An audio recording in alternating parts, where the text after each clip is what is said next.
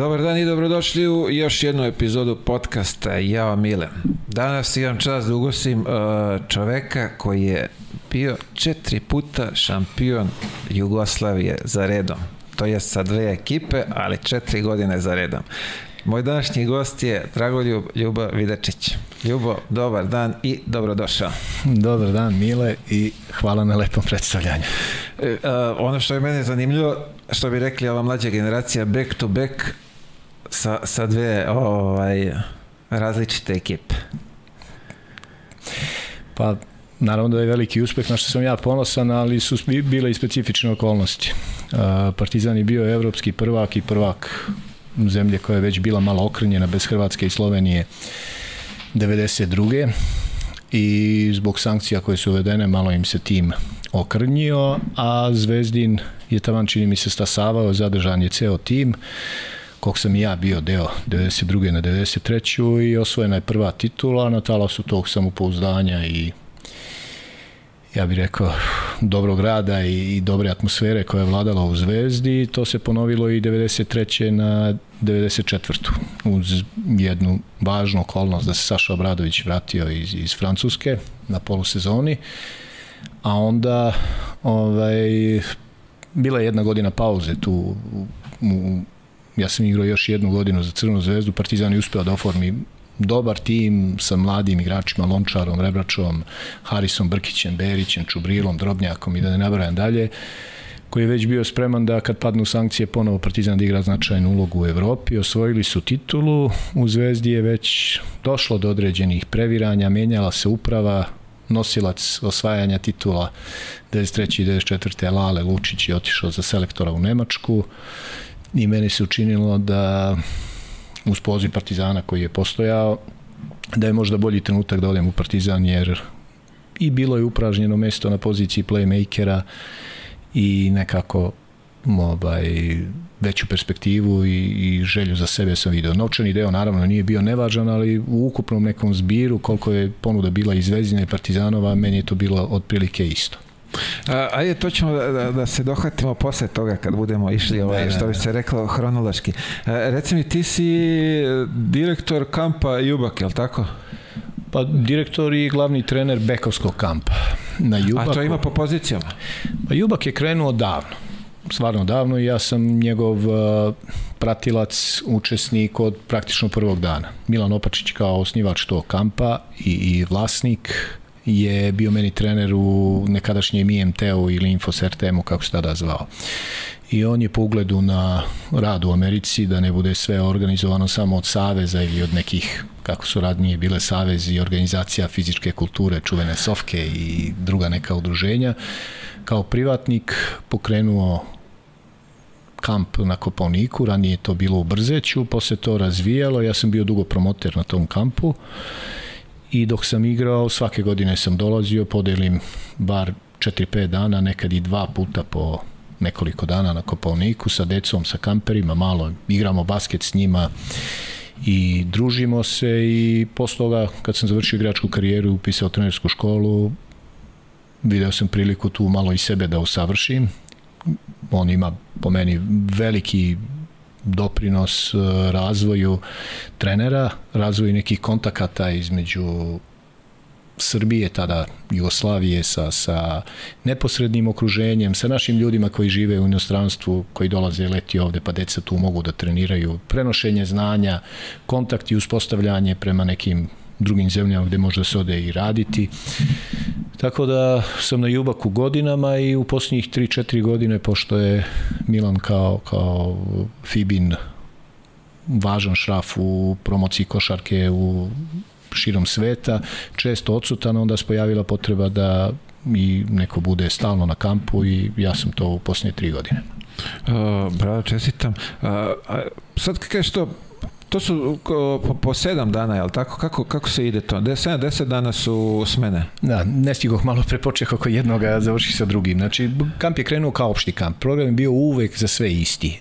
Mi ih prvog dana kad dođu deca, 10 dana su bile smene, rasporedimo po tehničkom i po fizičkom nivou.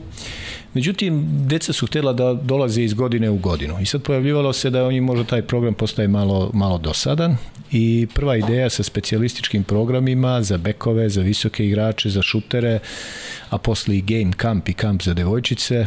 Prva ideja je počela već 2007. 8 a onda je to ušlo u zvaničan deo kampa, ja mislim od 2011. ili 12. da postoje opšti kamp, to je uglavnom za decu između 7 i 11 godina, mislim preporučeno je za njih. Uh, posle toga već idemo malo te specijalističke kampove koji traju po 7 dana. Ovi opšti su po 10. Ovo što ću te pitam, za tih 7 dana, je li to dovoljno da, da, da ajde dete da nešto nauči, da se usavrši? Po meni ja bih rekao da je to kratak period da, da on može kao, ej, bio sam na kampu, sad sam bolji igrač za, za 7 dana. Pa evo ja sam sad upravo došao sa kampa, tri smene sam radio. Moram reći da za 7 dana ipak uh, ne može da se nešto preveliko napravi. Ali s druge strane je isto tako nesporno da taj splet vežbi koji mi dajemo i zahteve koje imamo na kampu u 7 dana, vidi se razlika prvog dana kako oni to rade i kako sprovode u odnosu na ono poslednjeg dana kad mi praktično kroz neke utakmice i igre i valorizujemo da vidimo koliko je kod njih napredovo. Kamp ima jednu dobru stranu, to je da, da je internacionalni, da naša deca komuniciraju i sa ljudima izvan Srbije, da se koristi engleski jezik dosta, da se osamostaljuju tamo i od roditelja i od nekih svojih navika u klubu, nego da vide malo i neki širi pogled prema, prema košarci. I ono što je po meni najvažnije je da mogu da se izmere u stvari gde su. Govorimo o igračima iz Srbije. Oni koji dolaze iz inostranstva, oni imaju tu sliku da je košarka u Srbiji vrlo razvijena, da žele da uče od nas i oni dolaze širom otvorenih očiju da nešto prihvate i mogu reći da im se to uglavnom i sviđa. E sad, drugo je neko pitanje u kom smeru treba da ide i naša košarka, šta će biti novi putevi, to već treba da, da vreme pokaže i vodeći ljudi koji su zaduženi za struku kod nas. Jasno. A, recimo kad spominješ te internacionalne, a, iz koliko zemalja imate vi goste na, na tom kampu? Ili imate neke podatke? Imamo, mi gore imamo jednu veliku zastavu, jednu, jedan veliki panel na kome stoji 50 zastava i plus svi sponzori koji su. Znači iz preko 50 zemalja je do sada dolazilo. Ove godine mislim da ni u jednoj smeni nije bilo ispod uh, 10 različitih zemalja plus ove zemlje iz regiona, njih još uvek računamo, ajde kažemo da Domaći. su kao naši. Da. A reci mi sad, uh, iz koje zemlje dolazi na, najviše, a da ne računam region? Od, malo, od ovih... malo je korona sada ukočila, poslednjih godina je bio veliki broj dece iz Kine, koji su dolazili kolektivno i iz arapskih zemalja. Naravno, tu je veliki broj iz Mađarske, naših trenera dosta ima u Mađarskoj, pa preporučuju toj deci da dođu. A ako kažemo da je Mađarska region, onda ajde da gledamo da dosta je dolazilo iznenađujući i Španije i Italije, koji su isto košarkaške zemlje, imaju svoje kampove, ali eto, žele da dođu i ovde malo da vide.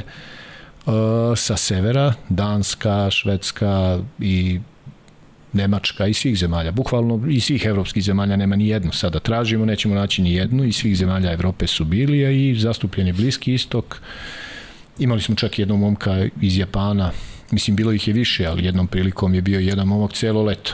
On je na pro kampu bio koji je Vlada Đurović dugo držao, mislim drži i sada, to je malo za ove ipak da kažemo profesionalce koji dođu striktno sa željom da nešto želi da popravi u svojoj igri i posveti tome mesec ili dva.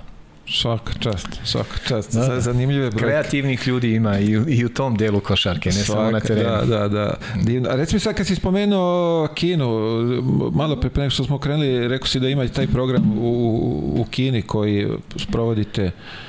A pa to je FIBA, uh, usled priprema za svetsko prvenstvo pojavio se i jasan problem da Kina kao vele sila sa tolikim brojem ljudi sa toliko novca ne postiže dobre rezultate na takmičenjima ni klubskim ni reprezentativnim na nivou Azije, a kamoli na nivou sveta. Mi pamtimo ono kad su nas pobedili na olimpijskim igrama 2004. izbacili nas iz, iz četvrti finala, ali generalno oni su nezadovoljni. I sad oni su tražili priliku da kroz organizaciju svetskog prvenstva populari, popularizuju košarku što više i tražili su pomoć FIBE.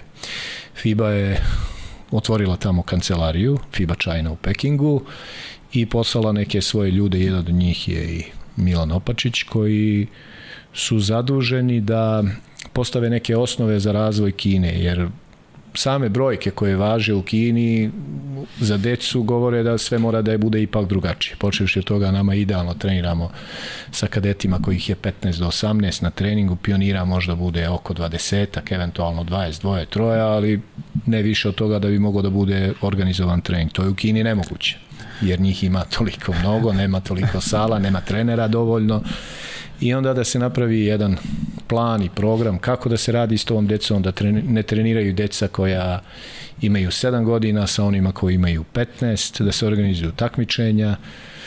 I to je nešto što zahteva dosta vremena, zahteva i koordinacije, jer kao i svemu niko neće prepustiti malo svoje uh, pozicije CBA pod Yao Mingom, u Kini vodi njihovu reprezentaciju, njihov savez i pre svega CBA ligu koja je mnogo bogata sa velikim ulaganjima, velikom popularnošću tamo i on je više pristalica sistema koji je američki. To je da proba kroz škole da uvede, kroz univerzitete da uvede košarku, imaju čak i svoj draft.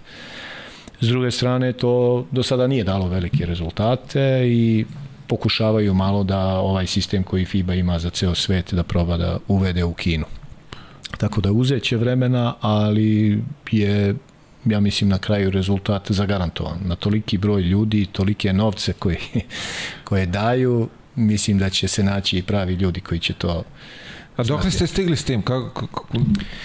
Pa ja nisam nosilac tog programa, ja sam bio u jednom promotivnom programu pred svetsko prvenstvo, tamo proveli smo meseci i po dana da se obiđu ti gradovi domaćini svetskog prvenstva, da se predstavi ta ideja i to izgledalo da će ići prilično brzo. Međutim, već posle svetskog prvenstva kod njih se pojavila korona, malo je usporeno i sada je akcenat umesto na izgradnju dvorana i akademija koji bi se takmičile, sada je dat na edukaciji trenera.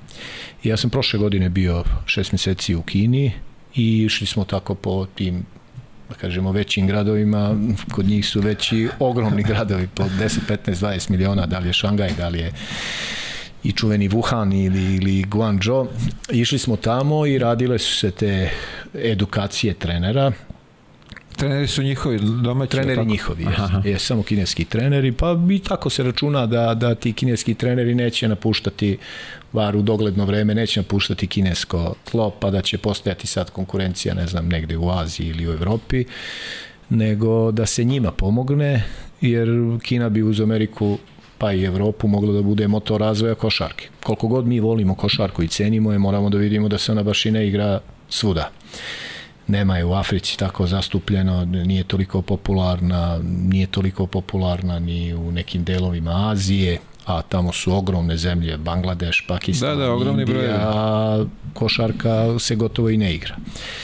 Tako da taj program čeka ono jednu inicijalnu kapislu da, da, da to pokrene onako široko, da bukne, ali čini mi se dok, dok ove zabrane za putovanja prema Kini postoje i dok ljudi iz eh, Amerike, Argentine, Australije, Španije, koji bi uz nas, koji nešto lakše dobijamo vizu tamo i odlazimo, koji bi bili tu, da to neće imati takav brz razvoj.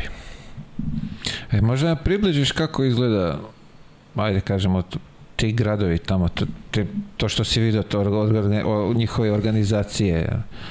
Košarkaški? Da, da, da. da.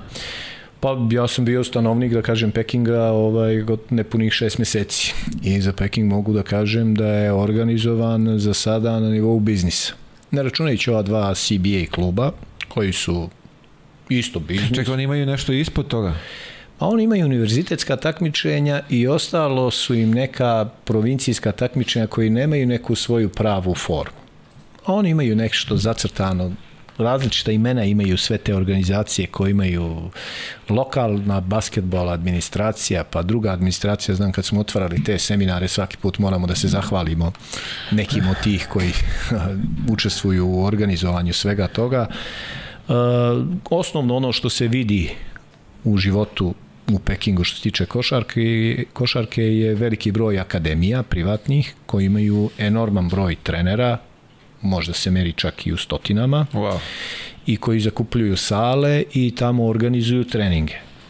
Ima mnogo naših trenera, sada pogotovo, su dominantni naši jer se ovi zapadnoevropljani malo povukli zbog, zbog korone i oni pogotovo petkom, subotom i nedeljom rade od jutra do sutra, drže treninge mladim kineskim igračima i tokom radne nedelje manje, ali održi se još po neki trening i tada i povremeno svaka od tih akademija organizuje neke turnire, neke utakmice i takmičenja. Ono što Kinezi za sad jedino stabilno imaju, to su neke reprezentacije od njihovih tih provincija koji igraju između sebe svaki godinu ili dve. Recimo, prošle godine bila posle olimpijske igara u Tokiju, bile su neke sve kineske igre. One su jedna, s jednakom pažnjom prenošene tokom kraja septembra i početkom oktobra tamo u Kini kao da su olimpijske igre. Ti šampioni su zvezde kao da su osvojili olimpijske igre. Kad pogledaš milioni, milijardu i po stanovnika, Sve kineske igre se Treba, da, da, da.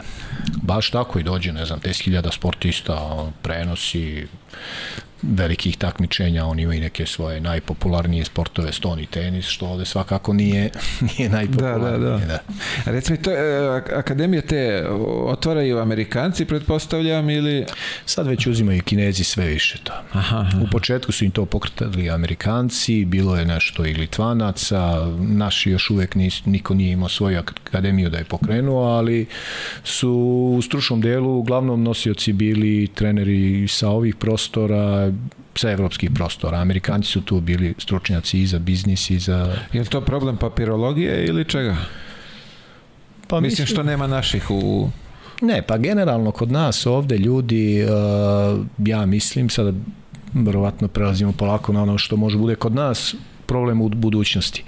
Mi nismo imali mnogo nikad ljudi, sportskih radnika i funkcionera koji su bili preduzetnici u sportskom smislu. Uvek to bio neko postavljen ili neki zaljubljenik u košarku ili neko postavljen od strane neke firme, neke partije ili ne znam već čega, koji je bio zadužen da obezbedi sve uslove za sport i kod nas je najvažnije bilo da se tu da sala, da se daju uslovi u smislu putovanja, opreme, eventualno plata igrača, zavisi od koji je nivo takmičenja, da bi to moglo da funkcioniše. Ali nismo, nemamo ni sada ljude koji su u stanju da pokrenu to kao biznis na zdravoj osnovi da se iz toga zarađuje. Jednostavno uslovi kod nas nisu takvi i pretpostavljam da iz tog razloga Uh, mi nemamo mnogo takvih ljudi koji na taj način mogu to da pokrenu u, u, u inostranstvu jer bi već pre toga imali ovde neke biznise pa bi taj posao širili. Kampovi da, kampovi su jedna od stvari gde, gde su naši ljudi tokom svih ovih 30 godina, čini mi se koliko postoje, uspeli da nađu modele kako to da bude finansijski održivo, isplatljivo, zanimljivo i, i produktivno u košarci i to šire i u kinu. Znači može se desiti da Juba kamp održi, da nije bilo korone, sigurno bi održali jedan ili dva kampa i u Kini sa programom koji Jubak radi u Evropi, da ne bi sva deca dolazila u Evropu. Tamo se zakupi neka sala, pokrene se... Da, jasno, smanjite troškove, lakše odvesti Pokra... odavde 10 trenera nego tako dovesti 200-300 tako klinaca tako. ovama. Za to imamo ljude, a za ovo da, da napravimo klub, da učestvuju u takmičenjima i to preko cele godine i da ih treniramo, to već ide malo teže. Jasno, jasno. Dobro, ajde, pr pr prošli smo taj deo. Uh, ajde ovako da se mi vratimo malo ovaj, u neku prošlost, da vidimo kako si ti zavodao košarku, kako je to sve krenulo. A, ja sam najmlađi od četiri brata u porodici i šta bi, sva četiri smo muškarci, na, eto, nismo imali sreće da imamo i sestru, bili bi verovatno malo mekši i, i, i, i bolji ljudi sigurno, da smo imali sestru nas četvorica još neku, ne kao zamena i naravno da je sport bio važan deo odrastanja. Počeš i toga kako ko će za koga navijati. Ja stvarno nemam nemam ideju kako se desilo da kod nas jedan taj brat navija za Partizan, pitao sam ga skoro. taj koji je drugi po starini koji je mene prevukao da i ja navijam za Partizan, dva brata za Zvezdu, dva za Partizan i normalno svaka utakmica je takmičenje. Mama koja je e, završila svoje škole u Čačku, uvek je mi smo dobijali čačanski glas da nam je dolazio nedeljno, a otac koji je trebinskog porekla, dolazi, dolazi nam je glas Trebinja od ozdo. I sad kad se pojavio Kićanović kao najbolji igrač, u Partizanu, bilo je logično da nas privlači, da se nekako poistovećujemo s njim. S druge strane, ja kao rođen u Trebinju i po ocu, jeli, iz Hercegovine, odrasli smo u Višegradu, na pola puta praktično, između Trebinja i, i Gornjeg Milanovca, mama je bliže tamo Gornjem Milanovcu. Uh, sam voleo i Praju Dalipakića. I jedno društvo krene malo pošto je Varda bila popularan klub u gradu sa dobrim uspesima, nekad igrali drugu saveznu ligu, posle i B ligu stare Jugoslavije, bilo je logično da svako ko je talentovan u nekom sportu proba i, i košarku. I probao i ja malo, dopalo se to treneru tamo što je bilo, meni se dopalo kad pobeđuješ uvek je zanimljivije nego, nego da si odmah na klupi i da ne igraš, tako se poklopilo nekoliko dobrih stvari da, da jedna grupa nas između 68. i 71. godišta da, da krenemo da treniramo, da se družimo, da pobeđujemo na nekim utakmicama regionalno, jednom su čak bili pionirski prvaci Bosne i Hercegovine. I onda je već to počelo da bude ono i obaveza malo hoću da postignem neke velike stvari, maštanje, kao i kod svih mladih ljudi. E, to ću da te pitam, šta si maštao u, u tom momentu? Ko, koja mašta bila? Prva mašta je bila Dalipagić, pa je trener rekao, neće ti biti tako visok, meni treba neko malo ko će biti bek ovde, onda sam mislio da je to Kićanović, to sam i sa brojem na dresu hteo da stavim svima do znanja, međutim ispalo je da sam ja malo više za playmakera, stari brat je igrao košarku isto i on nije vraćao mnogo loptu drugima, ja sam morao da bude malo kao neko ko pravi kompromise tu, nesvesno, i ispalo je da sam playmaker. I onda me vuklo a, da, da hoću ja da dam neki koš više, pa sam čekao da ti stari malo odu da preuzmem ja neku ulogu strelca. Onda je bilo važno i prilikom prelaska iz osnovne u srednju školu, otprilike u Višegradu je to bio period kad se određuje da li neko za prvi tim ili nije da li napušta košarku ili ne. Možeš još ceo prvi srednje da se provučeš, ali već u drugom je jasno ili ostaješ u tom prvom timu ili glupo je da treniraš ti sa juniorima i dalje, a neko mlađi od tebe već u prvom timu. Ja sam tu prvu filtraciju prošao i desilo se da je Varda tada bila, čini mi se, u, u, u baš velikom naletu. Bilo je ljudi u... To je i dalje ta druga savezna, jel? Ne, tad su bili, već je reorganizacija izvršena u staroj Jugoslaviji, da je podeljena na, nije više bilo tri savezne lige, druge, i jedna B je bila, pa su posle bile dve, nego su odlučili naprave jake republičke lige. Jer te, recimo, druga savezna je bila Bosna i Vojvodina su igrale zajedno. Malo čudno, ali tako. E onda su odlučili da naprave uh, dve prve B, a ostalo da budu republičke lige. Da prolaznost iz republičkih liga ide prema prvoj B, mm -hmm, zapad mm -hmm. ili istok. Bosna je igrala uh, ligu Zapad, a mi smo bili na istoku Bosne ovamo, tako da smo realno više pripadali Užicu, Rabotničkom ili ne znam, da, da, da, iz da. Srbije i iz Crne Gore, ali smo igrali Zapad i nekim sticajem okolnosti, pošto za vreme olimpijskih igara u Sarajevu i godinu dve posle toga uh, ti najbolji, najtalentovaniji višegradski igrači su studirali u Sarajevu. Trener im je bio tih 3-4 dana dok su u Sarajevu Karalejić, profesor, koji isto vremeno bio i profesor i kondicioni u Bosni, ali je nalazio vremena i njih da trenira. Oni su četvrtkom ili petkom se vraćali za, za Višegrad i uh, videlo se da, da postoji jedna generacija koja u budućnosti može, mislim u budućnosti, narednih 5-6 godina da igra značajnu ulogu i do B lige da se ide. I tako se desilo da sam ja postao deo jedne ekipe koja je išla korak po korak do toga da smo bili, ja mislim, 89. pred moju vojsku, četvrti u prvoj B ligi zapad stare Jugoslavije. Za grad od 20.000 stanovnika u konkurenciji sa bio je Novi Zagreb, recimo iz Zagreba, Čelik iz Zenice, Željezničar Sarajevski, Sloboda iz Tuzle, od hrvatskih klubova Alkar iz Sinja, uh, Slavonka Osijek, Borovo, u Vojvodini je bila Vojvodina, ne, ona je već bila ušla, izvinjam se, u, u, u onu prvu ligu stare Jugoslavije, Spartak Subotički, Kikinda, Pula, od sloveničkih klubova Postojna, Maribor. Bilo je do, da, dobrih putovanja. A petak ne idem u školu sav ponosan, jer ja ti putujem sad celu Jugoslaviju da obiđem, a dok ovi drugovi moraju da Ti petak na Da. autobus i idemo A, na... autobus ujutro, ali vrlo ponosan na to što ću ja, jer išle su te ture kad se dođe gore na, u, u ovu, kako se zove, u Sloveniju ili, ili u Istru, odatle ujutro autobus subotom ide malo i do Trsta ili, ili u Austriju da se kupe čokolade, farmerke, Farmerke. i tako to. Da. Zanimljivo bilo, mnogo davno, ali bilo i zanimljivo. Čekaj, sad si spomenuo vojsku, ti odlaziš u vojsku, Stare Jugoslavije, JNA, to beše, kako beše, 18 meseci, ne? Kako Ne, bilo? ne, ne, ne. Moje vreme je već uveliko bilo skraćeno na 12 i ja sam otišao u ponuda je bila, eto, malo kao sportista, imao sam privilegiju da dobijem da služim u Užicu uh, prvi šest meseci obuka, posle sam otišao na otkomandu u Split, šifrer, teleprinterista, sa prvom klasom završenom i nagradom za to 15 dana, to je bilo ovaj, za mene isto veliko dostignuće. Da, da, 15 dana vojna, tako? skraćeno vojske, zato što sam dobio prvu klasu u šifrovanju. Ko je bio šifrer i teleprinterista zna da, da je to redkost na tom kursu koji je bio u Splitu. Ja sam jedini koji sam to završio, ima i 50 svedoka iz stare Jugoslavije koji su tu bili, iako su mi mnogi u porodici pošto su malo bolji u crtanju i svemu bili govorili kako ti sa takvim prstima da kucaš tako brzo, pošto je potrebno dobro raditi i, i računski deo i, i taj na mašini za kucanje. Oba testa se polažu, da se dobije određena brzina da se to postigne. Ja sam to uspeo u želji da skratim 15 dana za svoj vojni rok, skratio i stigao sam da odigram dve, tri utakmice na kraju i te sezone, znači nije mi cela sezona bila prazna.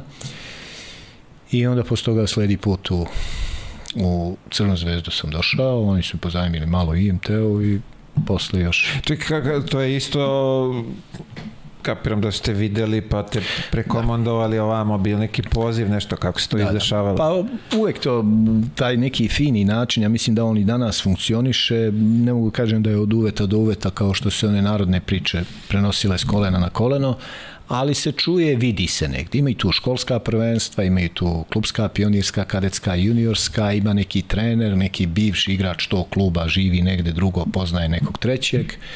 I već prva zanimanja za mene su počela mm, prvo za, prvo za tog starijeg brata, on, on je imao nekoliko ponuda, čak između ostalog i u Split da ode da igra košarku, a njemu se nešto nije išlo.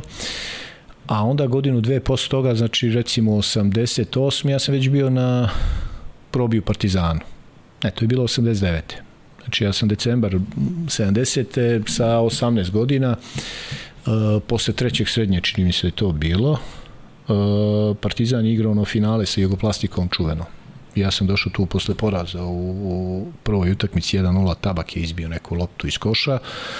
Uh, došao sam tu na neki probni trening, jedan ili dva, i rečeno je nastavit ćemo, međutim Partizan je otišao u Split, izgubio, prekinuto je to prvenstvo, bilo onako malo na diskutabilan jedan način, praktično se raspala ta velika partizanova generacija, a za mene je bio poziv poslat, ne znači da bi prošao, ali bio poslat zato što Saša Đorđević i Željko Obradović nisu služili vojsku ni jedan ni drugi i onda je trebalo se pojavi neko ko će njih dvojicu menjati, jednog od njih dvojice menjati.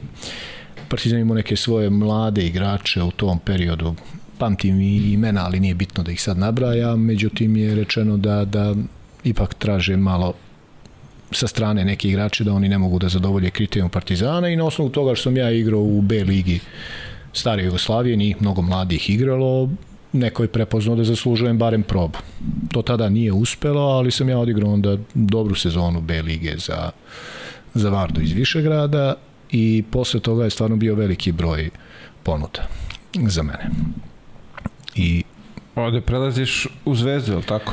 u Zvezdu. Iako sam to, to leto išao i od Zenice do, do, do Sarajeva i ne znam šta, neki pregovori, razgovori i Varda se tu A imao si više, i više ponuda, više, više klubova više, zainteresovan. više. Pa uvek je bio problem sa bekovima. To je vreme kada je naša košarka počela da dominira, govorim sada o 89. 90. i 91. godini, da dominira u Evropi i e, trendovi koje je postavljala jugoslovenska škola su bili važni za ceo svet. I recimo bila je priča da playmaker ne može bude neko ko je ispod 195 što je mene onako malo plašilo, a s druge strane u sebi sam osjećao da ti od 195 vrlo teško mogu da budu bolji od nas, samo zato što su visoki. mislim. Jasno, da. I tu je trajala ta borba godinu, dve, da, da u glavi da to neće biti problem šta nisam porastao više od mojih 189 eto zamislite kad je, kad je to bio strah sa 189 da nisi dovoljno visok uh, dobro sam igrao počeli su mnogi timovi i mnogi bekovi da, da pokazuju sa igračima ove visine između 185 i 191 2 da je to maltene idealna visina tu i da dominiraju, da počinju sve ove evropske bekove, da tako kažem, da rasturaju. Pre svega mislim na Đorđevića i Sretenovića koji su i Barcelonine i Makabijeve i Realove bekove odučili od košarke u tom periodu. Naravno i Luka Pavićević, da ne idem sada sve unazad. A neki pokušaj, sećam se tog jednog Ivan Kapov iz, iz Hrvatske koji imao dva metra i nešto, pokazalo se da ne može da bude. I onda je tako počela ponovo tražnja za, za malim bekovima, ja sam bio jedan od njih, dobio priliku, pa, ja mislim da je ipak nesrećna okolnost i za mene lično, a naravno za, za celu Jugoslaviju, taj raspad jedne lige koja je bila i najbolja verovatno u, u tom periodu u, u Evropi. Neko će reći, ja nikad nećemo znati pravi odgovor, da su neki iskoristili, da je ostala stara Jugoslavija, mnogi od nas ne bi dobili možda priliku. Ja se opet tešim da sam bio pozivan i dve godine pre toga da bi dobio priliku i da ovi igrači koji su pogotovo iskoristili tu priliku ovaj da, da bi sigurno bili i u staroj Jugoslaviji najbolji, a ako ne bi bili da bi to bio problem sistema, a ne, ne zato što oni nisu bolji. Jasno, reci mi sad, uh, tranzicija u Beograd, ti se seliš iz malog mesta u Beograd, si sam prešao ili kako, je, kako to izgleda? Veliku ulogu i pomoć meni, sad često se ja vraćam na te događaje, neke detalje sam ispustio malo, ali onako ovi koji su značajni, oni mi baš onako uh, bljesak jedan udari u glavu, koliko je bila važnost jednog čoveka, Vlade Moljević se zove, koji je bio i nosilac razvoja košarke u Višegradu, pa je onda poslom prešao da živi u Beograd, 88. ili 9 kao student beogradski misli, tada je mislio verovatno da je i, i upravo je prevazišao je te uloge koje je bilo u, imao u životu u Višegradu i hteo i verovatno sa svojom porodicom da polako pređe u veći grad kad mu deca polako rastu za studije i on je bio ta spona koja je insistirala na tome da sam ja prevazišao Vardu, daj dođi ovamo da te ponudi, iako sam ja imao ponude koje su više bile zicar za mene, kao što je Sarajevo, Zenica, Užice, sve to relativno blizu. Blizu kuće. Pa nek bude to kao korak napred. Kao on insistirao na tome da dođem u, u Beograd na neku vrstu probe, nije me teško bilo naterati.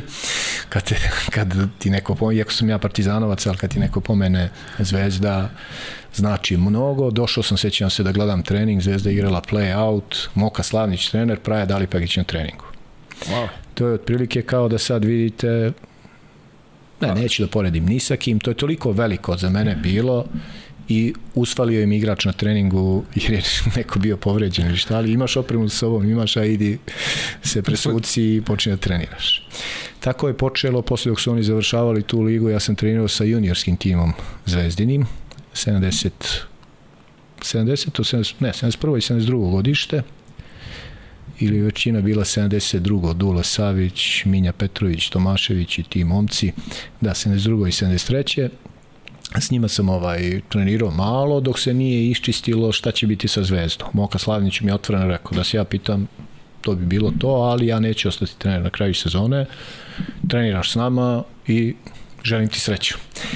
I Partizan nije uspeo da osvoji titulu protiv Jugoplastike, Dulo Jošević je došao za trenera Zvezde i ponovo smo se sreli posle dve godine. Tako da pored Vlade Moljevića i Dulo Vojošević u tom trenutku se nalazi u Zvezdi, što meni ipak malo olakšava situaciju da ipak on zna za mene. Dešava se neka turneja u Ameriku da odlazimo na na ovaj neku tur, turneju sa timovima i neku ligu sa timovima do 196 visine, to je bio jedan od pokušaja u Americi da eto naprave i tako nešto. Dobro, to je ono što evo malo prepominjemo u Kini, kreativnost, Amerikanci pokreću akademije, eto to od pre 30 godina Amerikanci pokušavali neke lige da pokrenu. Takva nacija, uspešna, treba da učimo od njih. Da, da, da, zanimljivo, do 196. Do 196, to leto i izgubili smo sve utakmice od njih To pamtim. Iako smo imali igrači od 2-10, nama je bilo dozvoljeno da igramo sa, sa kompletnom ekipom.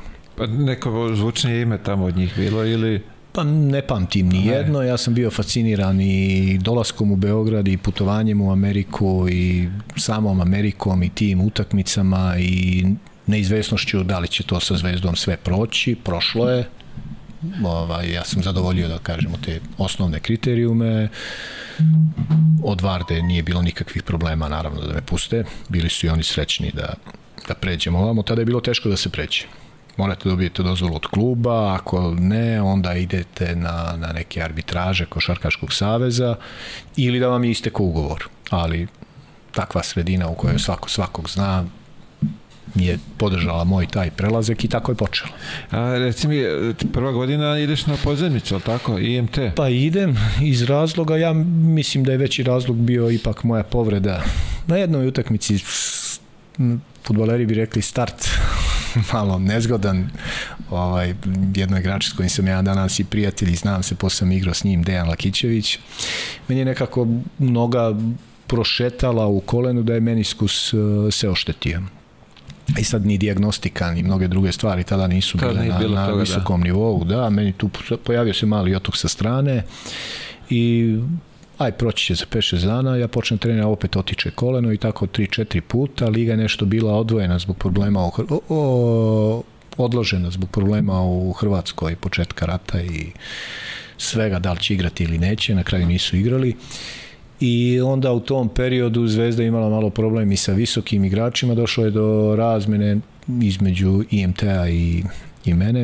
IMT-u je trebao playmaker, jer je bio samo Parežanin kao mlad playmaker tada tamo, a Zvezda nije imala dovoljno visokih igrača. I jer Ko je od visokih prešao vam? Kaličanin Boban.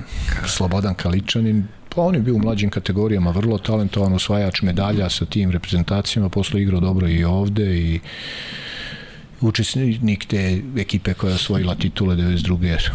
na treću, mislim da je bio i 93. na četvrtu, ali ne bih se sad baš i zakleo, jer je posle došao bio i Jacak Ilić, Uglavnom, tu sezonu odigram za IMT onako uz mučenje sa povredom, ja sad da ne, da ne bude da se žali mnogo, ali i način kako su naše povrede te rešavali sporo i iz ovog ugla mogu reći i nepravilno je doprineo do tome da ja već te godine ne, ne napredujem onoliko koliko je moglo da se napreduje, objektivno.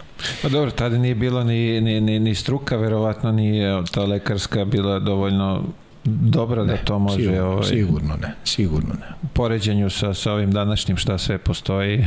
Naravno već i onaj period posle kad sam ja igrao od 90 eh, ono od 95. kad su pale sankcije, kad je bila počela ta saradnja ponovo da se stvara i sa Evropom i sa našim doktorima koji rade u inostranstvu i naših i više igrača bilo u inostranstvu, pa se taj glas kako se rešavaju problemi ovaj širi, pa i naši doktori su zahvaljujući tim razmenama iskustava postajali bolji. Došlo je do toga da, da recimo tu povredicu koju sam ja imao s meniskusom, to bi se rešilo u roku dve nedelje. Jasno. Zanima sad ta prva sezona u Zvezdi. Dolaziš tamo, pretpostavljam da nisi dobio odmah ulogu prvog playmakera. Kako to izgledalo iz tvog ugla? Pa iz onog ugla tada uh, moram reći da je najvažnije to što čovjek uh, u tim godinama i ne treba sve da zna. Da znam sve što sada znam, verovatno bi bilo strah i ne znam da li bi uspeo da prođem na takav način kako sam prošao. Čio sam nekim pripremama na Mavrovu gde smo bili, igrali dve, tri prijateljske utakmice, dobio priliku čak i da počnem u petorci. Iako se bio vratio i Trunić iz, iz Slovenije, Trifunović je pokazivao, Aleksandar Trifunović, ne otac od ovoga što igra sad u Partizanu, pokazivao ambicije da želi da igra playmakera, a Saša Obradović je iz nekih frustracija u prethodnih dve, tri godine uh, odlučio on, da li u dogovoru sa trenerom Vujoševićem tada, da igra dvojku. I to je bilo tako tada. Saša Obradović dvojka i ne tretira ga se uopšte kao playmakera tih prvih tu prvu sezonu i ja sam video tu lepu šansu za sebe kraj krajeva i ta povreda je ispala tako što sam u prvim minutima se povredio, što znači sam bio na terenu u prvim minutima te prijateljske utakmice. ali ta povreda malo i odlazak u IMT je sve to malo remetio. Ja do nove godine nisam nikako uspeo da rešim to stanje sa nogom, ona mene prođe preko vikenda, od srede četvrtka, petka me malo boli, pa s takvim bolom i igram i ne igram. I tek u drugom delu, malo uz pojačan rad teretane i vreme, vjerojatno učinilo svoje da mene ta noga prošla i da onaj način košarke kako sam ja igrao u mlađim kategorijama, to je da sam bio jedan od najbržih i najskočnijih bekova, mi je pomogao da malo opet uspostavim neku svoju igru i da, da se nametnem, da, da ne kaže neko da je u pitanju promašaj. Na kraju te sezone vratio se da treniram sa Zvezdom. Zvezda je pravila planove i za Euroligu te 92. jer je bila druga u prvenstvu, a Partizan kao prvak Evrope je obezbedio dodatno mesto za Srbiju. Hrvati su vukli valjda jedno svoje. Međutim, sankcije su uvedene. Dulo Vršević odluči da ode u, u Italiju i mnogi igrači koji su trebali da dođu u Zvezdu, da možda i zauzmu to mesto u Zvezdi, pitanje da li bi ja ostao te godine u Zvezdi, su odlučili da odu u inostranstvo, jer im je mala bila SR Jugoslavija da, da se igra tu. I onda su kazala prilika da, da dobijem ja svoje mesto, mislim da sam korektno to iskoristio, pre svega dobrom odbranom sam kupovao minute sebi, brzom igrom u tranziciji, posle malo i sa dizanjem samopouzdanja, bilo je to i dobrih nekih napadačkih kreacija, došli smo do toga da smo 93. u proleće bili jasno bolji, igra, bolji tim od Partizana. Nebojša Ilić i Saša Vradović su igrali sezonu života i tu je bila velika promena Lale Lučić kad je došao da to da nastavim na onu malo pređašnju priču oni posle nekog poraza u kupu u Valjevu od Big Enexa Zvezda je otišla tad su igrali neki četvrtfinalni turniri pred pred finale kupa koje je bilo u martu uvek, a to je bilo u septembru, mi smo izgubili. I je čovjek jasno rekao, mi smo od jednog vrhunskog playmakera dobili solidnu dvojku. Nećemo to da radimo, Saša, ti si od sutra playmaker. I mislim da je to meni isto malo pomoglo, jer Saša je igrao 20 25 minuta, možda i 30 kao playmaker, ostalih 10 igrao kao dvojka, ja sam hvatao tih 15 20 nekad možda i 10, a nekad možda i 22-3 minuta na, na svojoj poziciji playmakera i uz takvog moram reći majstora, u strelca kakav je Nebojša Ilić u tom periodu bio, svi smo rasli, možda najviše od svih Dejan Tomašević, koji je brzo izrastao od jednog igrača koji nije bio dominantan ni u svojoj juniorskoj ekipi, izrastao je da je nosilac igre Zvezde već sa 20 godina. I onda se ostiš, pomisliš za sebe da si dovoljno dobar i ne postavljaš više sebi ta pitanja, bilo kakve sumnje, nema više da, sumnje. Da, da, da, da. To je, to je psihologija, čudo. A reci mi sad, e, spomenuo si Nebojšu Ilića i Saleta u tom periodu. Možeš nekako malo da ih, da, da ih približiš? Uh, ja često pričam priče o i svoje deci i sa svojim prijateljima vraćam se u ta vremena. Sjećam se dobro to kad sam došao u Beograd posle prvi par dana treninga da sam bratu koji razume košarku normalno na nivou istom smo bili i sada smo kad sam mu rekao ako Saša Obradović i Neboj Šilić ne smatraju se ne znam, vele majstorima košarke. Ne znam šta ja tražim ovde. Jer njih dvojica su bili pocenjeni u staroj Jugoslaviji to se posle pokazalo kao tačno. Oni nisu imali, Nebojša Ilić je član velike generacije koja je osvojila u Bormiju sve to što je osvojila i on je bio veliki strelac, ali nekako ta Kukočeva utakmica s 12 11 šutnutim trojkama sa uh, Đorđevićevim i, i Divčevim nastupima u Partizanu ili Kukočevim i Rađinim u Jugoplastici, pa i u Bosni su bili Dobraš i, i Avdić, čini mi se, i ne mogu sad svih imena baš da se setim, Luka Pavićević, Jugoplastika i Cibona, malo je Nebojša pao u, u, u zapećak, ali to što sam ja video tada, to je bolji igrač od svih njih, talentovani napadač i strelac. I on je te godine eksplodirao i igrao je nevjerovatno, znači nije moglo da se čuva ni na treningu, a kamoli na utakmicama ovi protivnici kad dođu. A Saša Obradović je ono vreme nije imalo toliko dominantnih fizičkih igrača kao što je on bio. Pričalo se o Vilfanu, znalo se da on dobro zakucava i skače, možda je bio još neko, ali to što je imao Saša Obradović tako duge korake, takvu skočnost, pokretljivost i lateralno i pravolinijski i zaustavljanja i vrhunsku odbranu, odličnu tehniku, dobar šut, Toga nije bilo toliko mnogo. Ja sam bio fasciniran s tima dvojicom na trenizima. Kako su dobri igrači.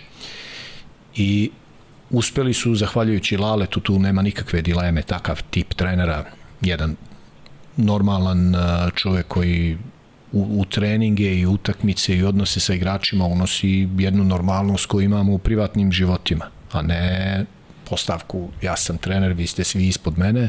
Toliko je prijao njima dvojici, a preko njih se prenosilo i na sve nas ostale, da su mi izvukli maksimum iz te ekipe, osvojili titulu protiv Partizana, koga je još uvek vodio Željko Obradović, koji imao još šest ili sedam igrača koji su bili prvaci Evrope samo 7-8 meseci ranije. Jeste da su bili bez dva ključna, Đorđevića i Danilovića, ali bio je tu Koprivica, bio je Rebrača, bio je Zoran Stevanović, bio je Lončar, bio je Slađan Stojković kao prvi strelac lige, Pajović, Ivanović dovedeni kao pojačanja, Šilobat, koji je iz Zvezde kao jedan od najboljih u tom godištu otišao u Partizan, pa je Zvezda uspela i to na, da na doknadi da Reci to je titula posle 21 godinu, ali tako vraćena? Ja mislim da je tako, da. Tako nešto, da. Da, mislim da su bili, ja ne pamtim. To je nešto kao prekid posle 21 godinu, napokon se vratila. Da. Slavilo se kao da je, da, kao da je posle 100 godina. Ja tako? da. Bilo je nekoliko dana za redom slavlja bilo jedno i oficijalno u hotelu Jugoslavija čini mi se ili je jednom je bilo u hotelu Jugoslavije, jednom u Interkontinentalu, sad ne sjećam se koja je bila za prvu titulu, koja je za drugu. Mislim da smo zajedničko u Interkontinentalu imali kad su i devojke osvojile titulu, a ovo je u Jugoslaviji bila. Ali mnogo je prošlo, o tome izgleda nisam mnogo pričao, pa sam zato i zaboravio. Ali se da. dočekaš posle 21 godinu i slaviš par dana. To je. Da. Bilo je, bilo je ovaj, mogu znači kako je navijačima bilo u tom momentu. A, bile su fešte na Kalemegdanu, baklje i dobra atmosfera. Bilo i u tom o, vremenu baklje i, i pa, sve. baklje se pojavile, koliko ja pamtim to oko navijanja, bilo je italijani prave više tu taj spektakl na utakmici, Englezi su samo dlanovi i glas, a eto, Italijani koji su tada bili u rangu mislim ono koji se mere sa Englezima su bili ti koji navijaju uvek da se prave neki spektakli da li bakljama, da li nekim drugim stvarima, ali bilo je baklji i tada. Ne, mnogo nije bilo opasnosti ni blizu kao sada. Mislim, ovo što se dešava i što se dešavalo ovaj prethodnih godina, pogotovo na partizanovim utakmicama, ali mislim da ni Zvezda tu nije nimalo u, boljem položaju što se tiče navijača, to ne može se porediti mi smo mogli da, da s navijačima normalno i komuniciramo i razgovaramo bez opasnosti da se bojiš da pričaš čovekom koji je sinoć uradio ne znam kakvo zlodelo. Jasno. Oni su momci voleli, malo su bili srčani, putovali su za zvezdu pa su mislili da, mislim da gledaju zvezdu pa su mislili da za račun toga imaju pravo i da nekad zvižde, što naravno imaju pravo i da nekad se obrate ružnim rečima svojim igračima, ali i da podrže kad, kad sve to ide kako treba i to je jedna granica normalnosti bila, plaćali su se i karte, nikakav status se za to nije tražio u nekom, ne znam, svetu poslovnom ili, ili reketaškom ili ne znam koji već mora da se pomene. To je došlo posle, ja mislim, ovaj malo. Pa, verovatno, ovaj, došlo je posle, nije sporno da je došlo posle, ali ovo kad kažem verovatno razmišljam da li je došlo greškom a, greškom ljudi iz sporta ili isključivo politike i vođenja države. Ne mogu da tvrdim, ali ja kad bi morao da se odlučim, rekao bi da je sportu nedužan. A, pa ili imaš nešto, mojte, za Nebojš Iliću, Ilića čuli smo svašta, to ima raznih anegdota sa njim, ili imaš nešto čega se sećaš iz tog perioda? O, nisam došao pre sa njim, je uvek bilo zanimljivo. Naprimer, verovatno je neko ispričao taj detalj. E, našem saigraču Rastko Cvetkoviću je, ja mislim da moj rad, rad, e, dalji rođak dolazio da čuva auto za vreme treninga. Mislim, oni dođu zajedno na trening i taj momak je ostao da čuva auto malo, malo se prošeta tu jer je bilo krađa automobila, nenormalno. A Cveli imao dobar auto. I sad u nekom trenutku se oni dogovarali taktiku, čini mi se da je, da je Neša naravno nosilac toga, dogovarao je ideju da tog momka izvuku iz auta, nešto da on izađe i da za to vreme oni uzmu ključeve, da on, iza, on ima običaj izađe s treninga pa uzme nešto nekome u slačionici i da ga zeza malo i da uzmu ključ od auta i da preparkiraju auto. Je li to možda čak bilo i u dogovoru sa Rastkom? Da malo naprave šalu. I pomerili su auto, ovaj dečko je bio sav izgubljen, nije smeo da prizna da je izgubljen auto, gde, šta je. Eto, takve malo bezazlene fore, neka čuvena sa stolnjakom za Zorana Jovanovića, on i Trifa. Uglavnom, s njim nikad nije bilo dosadno. Nikad nije bilo dosadno. Ne. Ne, on je uvek, uvek tera šalu i toliko nekako unosi neku vedrinu u tu da, u ekipu da, da. da. Ej, mnogo energije je imao. Pa ja osjećam to, sad baš pričam sa mojim sinom koji ima 19 godina. Uh, to leto kad sam ja došao u Beograd, ta dva treninga dnevno, Dulo Jošić bio poznat kao neko ko jake treninge daje uvek ujutru nema mnogo kontakta, nema igre, ali to je izvlačenje maksimuma iz svakog poteza, usavršavanje tehnike, ali na maksimalnom nivou snage i brzine da se to radi. Čini mi se uvek volio dobre atlete u ekipi da ima, da li to neko što je visok, da li neko što je brz, neko što je jak, ali trenizi su bili mnogo jaki, mi smo se na Kalemegdanu hranili, da li te nekad poveze neko od saigrača ili ideš trolejbusom do gore, pa se vrati na se u Mirjevu stanovo kod, kod tog prijatelja u početku i dođem ovaj na, na večernji trening, ovaj dođe sa kupanja. Košutnjak, baš nisam ni znao tada jel da postoji, on kaže došao sam sa košutnjaka gore, samo idem na kupanje, ništa ovo, Taš Majdan i 25. maj. Znači on stigne da uradi taj trening, dobro, imao i auto, dođe i na ručak, sedne sa svojim društvom na piće, ode, okupa se i dođe na trening koji tada bio u šest i trenira bolje od svih nas. Mislim bolje, uvek je on nije on bio prepoznat kao veliki radnik. Ali uvek je bio na tom nivou da mi teško bi je bilo pratiti. Toliko je kvalitetom bio u tom trenutku ispred na kraj krajeva. On je otišao kao najbolji strelac lige u Španiju i mislim da je tamo do polusezone bio najbolji strelac iz Španske lige. Tako je nešto za, za pola Ka... poena je bio Oskar Schmidt bolje od njega, tako nešto? Mislim da nije nešto sigurno bio najbolji strelac do tada za Caceres je igrao, onda ga neka povreda prepone malo mučila, nije hteo sledeći leto da operiše, ali to je jedan od igrača koji sigurno nije rekao sve i nije uradio sve što je mogao kao igrač. Čijom krivicom ne bih znao da kažem imao i tešku konkurenciju na nivou SFRJ, Tako bili je, su da, da. Perasović, Zdovc, Mutapčić, posle se pojavili u okviru Srbije i Crne Gore Danilović i Bodiroga i to društvo, ali A mislim, on je rano i, i prestao Pa jednostavno čini mi se da imao takvo razmišljanje ako nisam na tom vrhunskom nivou, neću da budem ni, ni, ni ovo ispod. Recimo u, tom periodu, to su 90. onako težak period, kakva su bila plaćanja u, u, u tom momentu?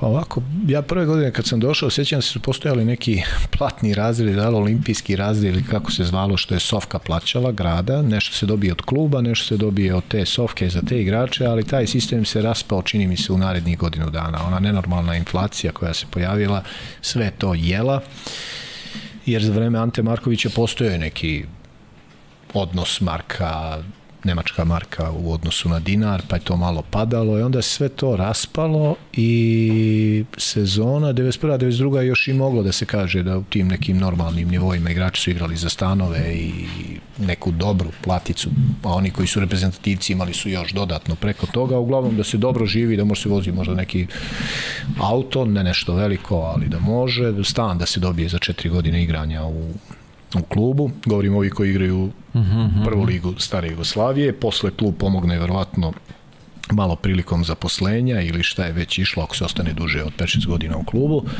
a onda je se prešlo bilo već možda i 88. 9. na surovu profesionalizaciju, ali još su ostajali znači ti repovi sofke i dodeljivanja stanova poslova. I onda se to sve raspalo 93.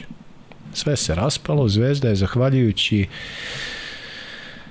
skromnosti, sposobnosti i, i štedljivosti ljudi koji su vodili klub tada, na čelu su bili bivši igrači Vučinić i Kapičić, oni su uspeli neke novce od igrača naših koji su počeli da dobijaju grčko državljanstvo tamo i da završavaju prodaju tih igrača mislim prodaju, da dozvole registraciju Jasno, tih igrača da, da. tamo. Otišlo je sigurno iz Zvezde desetak igrača u tom talasu između 90. i, i, i 95. Neki od njih su postali da, NBA da, igrači, da, da. Tarlać ili Vukčević, Dule i Zvezda je za sve to čini mi se dobijala neko obeštećenje, uspevala je nekako, pošto su svi finanski tokovi bili zatvoreni prema prema Srbiji i Jugoslaviji, da, da nekako te pare čuva sa strane i da od toga deo po deo donosi i da plaća vrlo pristojno za to vreme svoje igrače. Vrlo Ja nisam spadao u tu grupu najbolje plaćenih do 95. kad sam dobio jedan solidan ugovor od Partizana. U Zvezdi je to bilo onako da može ponosno da živi jedan igrač kluba kao što je jasno, Crvena zvezda. Jasno.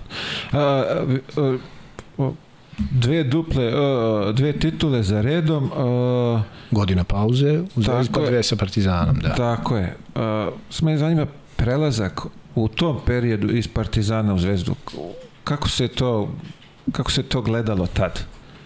Jer si imao nekih problema, nešto? Ne, ne, ne. ne. A, mislim, a, ja sam prvo a, uvek znao i tada kad se to dešavalo u mom slučaju, da je pre mene prelazilo mnogo veći broj većih imena i značajnijih ljudi nego što sam ja.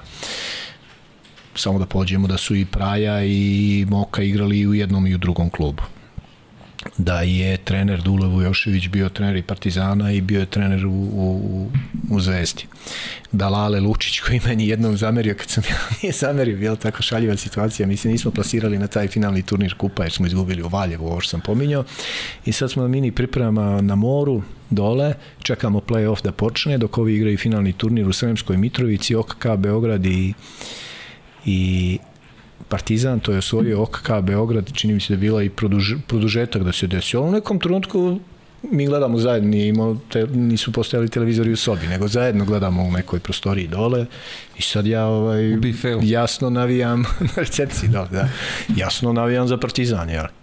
I ovi normalno, većina su u Zvezdi bili stvarno zvezdaši, igrači koji su ti lud, šta tako, čak i Lale mi kaže, kako možeš tako, kao u fazonu jesi normalan. I ono malo dečije, možda malo i naivno, pa šta je problem? Pa ne igramo mi, ali svi smo, i ti si bio, malte ne da sam mu rekao i ti si bio trener Partizana, pa šta? Mislim, verovatno nisam tako odgovorio, ali mi je to bilo u glavi, da je to normalno. Tada se dešava. Ja volim košarku, volim Partizan, ali ovo u jednom trenutku ipak preraste u, u posao ja bi radije prešao u Partizan 89. Partizan bio mnogo veći klub od Zvezde sa tom generacijom koju je Kićanović napravio između 84. i, i 91 birajući igrače koji su i dobri i koji su onako malo i magnet za publiku i posle postojali veliki repstivci, Partizan je bio tu ispred zvezde. I igrao je kup šampiona i velike utakmice u hali sportova, u pioniru ili gde je već igrao. Mislim, uglavnom u hali sportova pamti se neka protiv Barcelone, protiv Arisa, odlazak na Final Four ali jednostavno te 91. nije bilo tako kao 89. Đorđević i Dragutinović su bili playmakerski par, njima nije, mislim bio je pre toga i Obradović, ali on odlučio da prekine da igra i da postane trener, a u Zvezdi jednostavno nije bilo ni jednog playmakera. Dabić i Bukumirović koji su pre toga trebali da budu neko ko će doneti Zvezdi titulu u prethodnih 3-4 godine sa tri različita trenera to nisu uspeli. Pojavila se rupa u Zvezdi. Meni je Zvezda veliko ime kao što je i Partizan tada, ukazala se prilika, nisam imao dilemu, došao sam u Zvezdu, četiri godine kasnije nekako kao da Zvezda nije uspela tu svoju ekipu i, i, i veliki broj mladih igrača koji su bili talentovani da, da pretvori da, da bude jedan projekat na duže stase. Mnogo ih je otišlo u Grčku, to je stvarno uticalo. Reljić, Stojaković, uh, Tarlać, Dule Jelić. Tarlać, Dule Jelić, Dušan Vukčević. Vukčević, bravo. Čuk i tako neki, sigurno desetak igrača je otišlo u, u Grčku, a ovi koji su bili najbolji zvezdini, Zoran Jovanović, Saša Obradović i Nebojša Ilić su otišli u inostranstvo, tako da je sve ostalo praktično jednom velikom koji je mogo to da nosi Dejan Tomašević, ali sticajem nekih okolnosti desilo se da je i on zajedno sa mnom prešao u Partizan. A vi ste zajedno u paketu prešli? Zajedno. Aha, zajedno. Aha, aha. Istog dana smo i potpisali i, i ovaj, prešli u Partizan i Partizan tada bio jači tim, možda malo mlađi, jer je Zvezda se onda malo bila zainatila, probala je da skupi sve što valja i da, nevezano za mene i Tomaševića, nego uopšte da proba da odgovori Partizanu i doveli su dobru ekipu. Sretenović i Luka Pavićević su bili playmakeri sa pet evro titula. Da, da.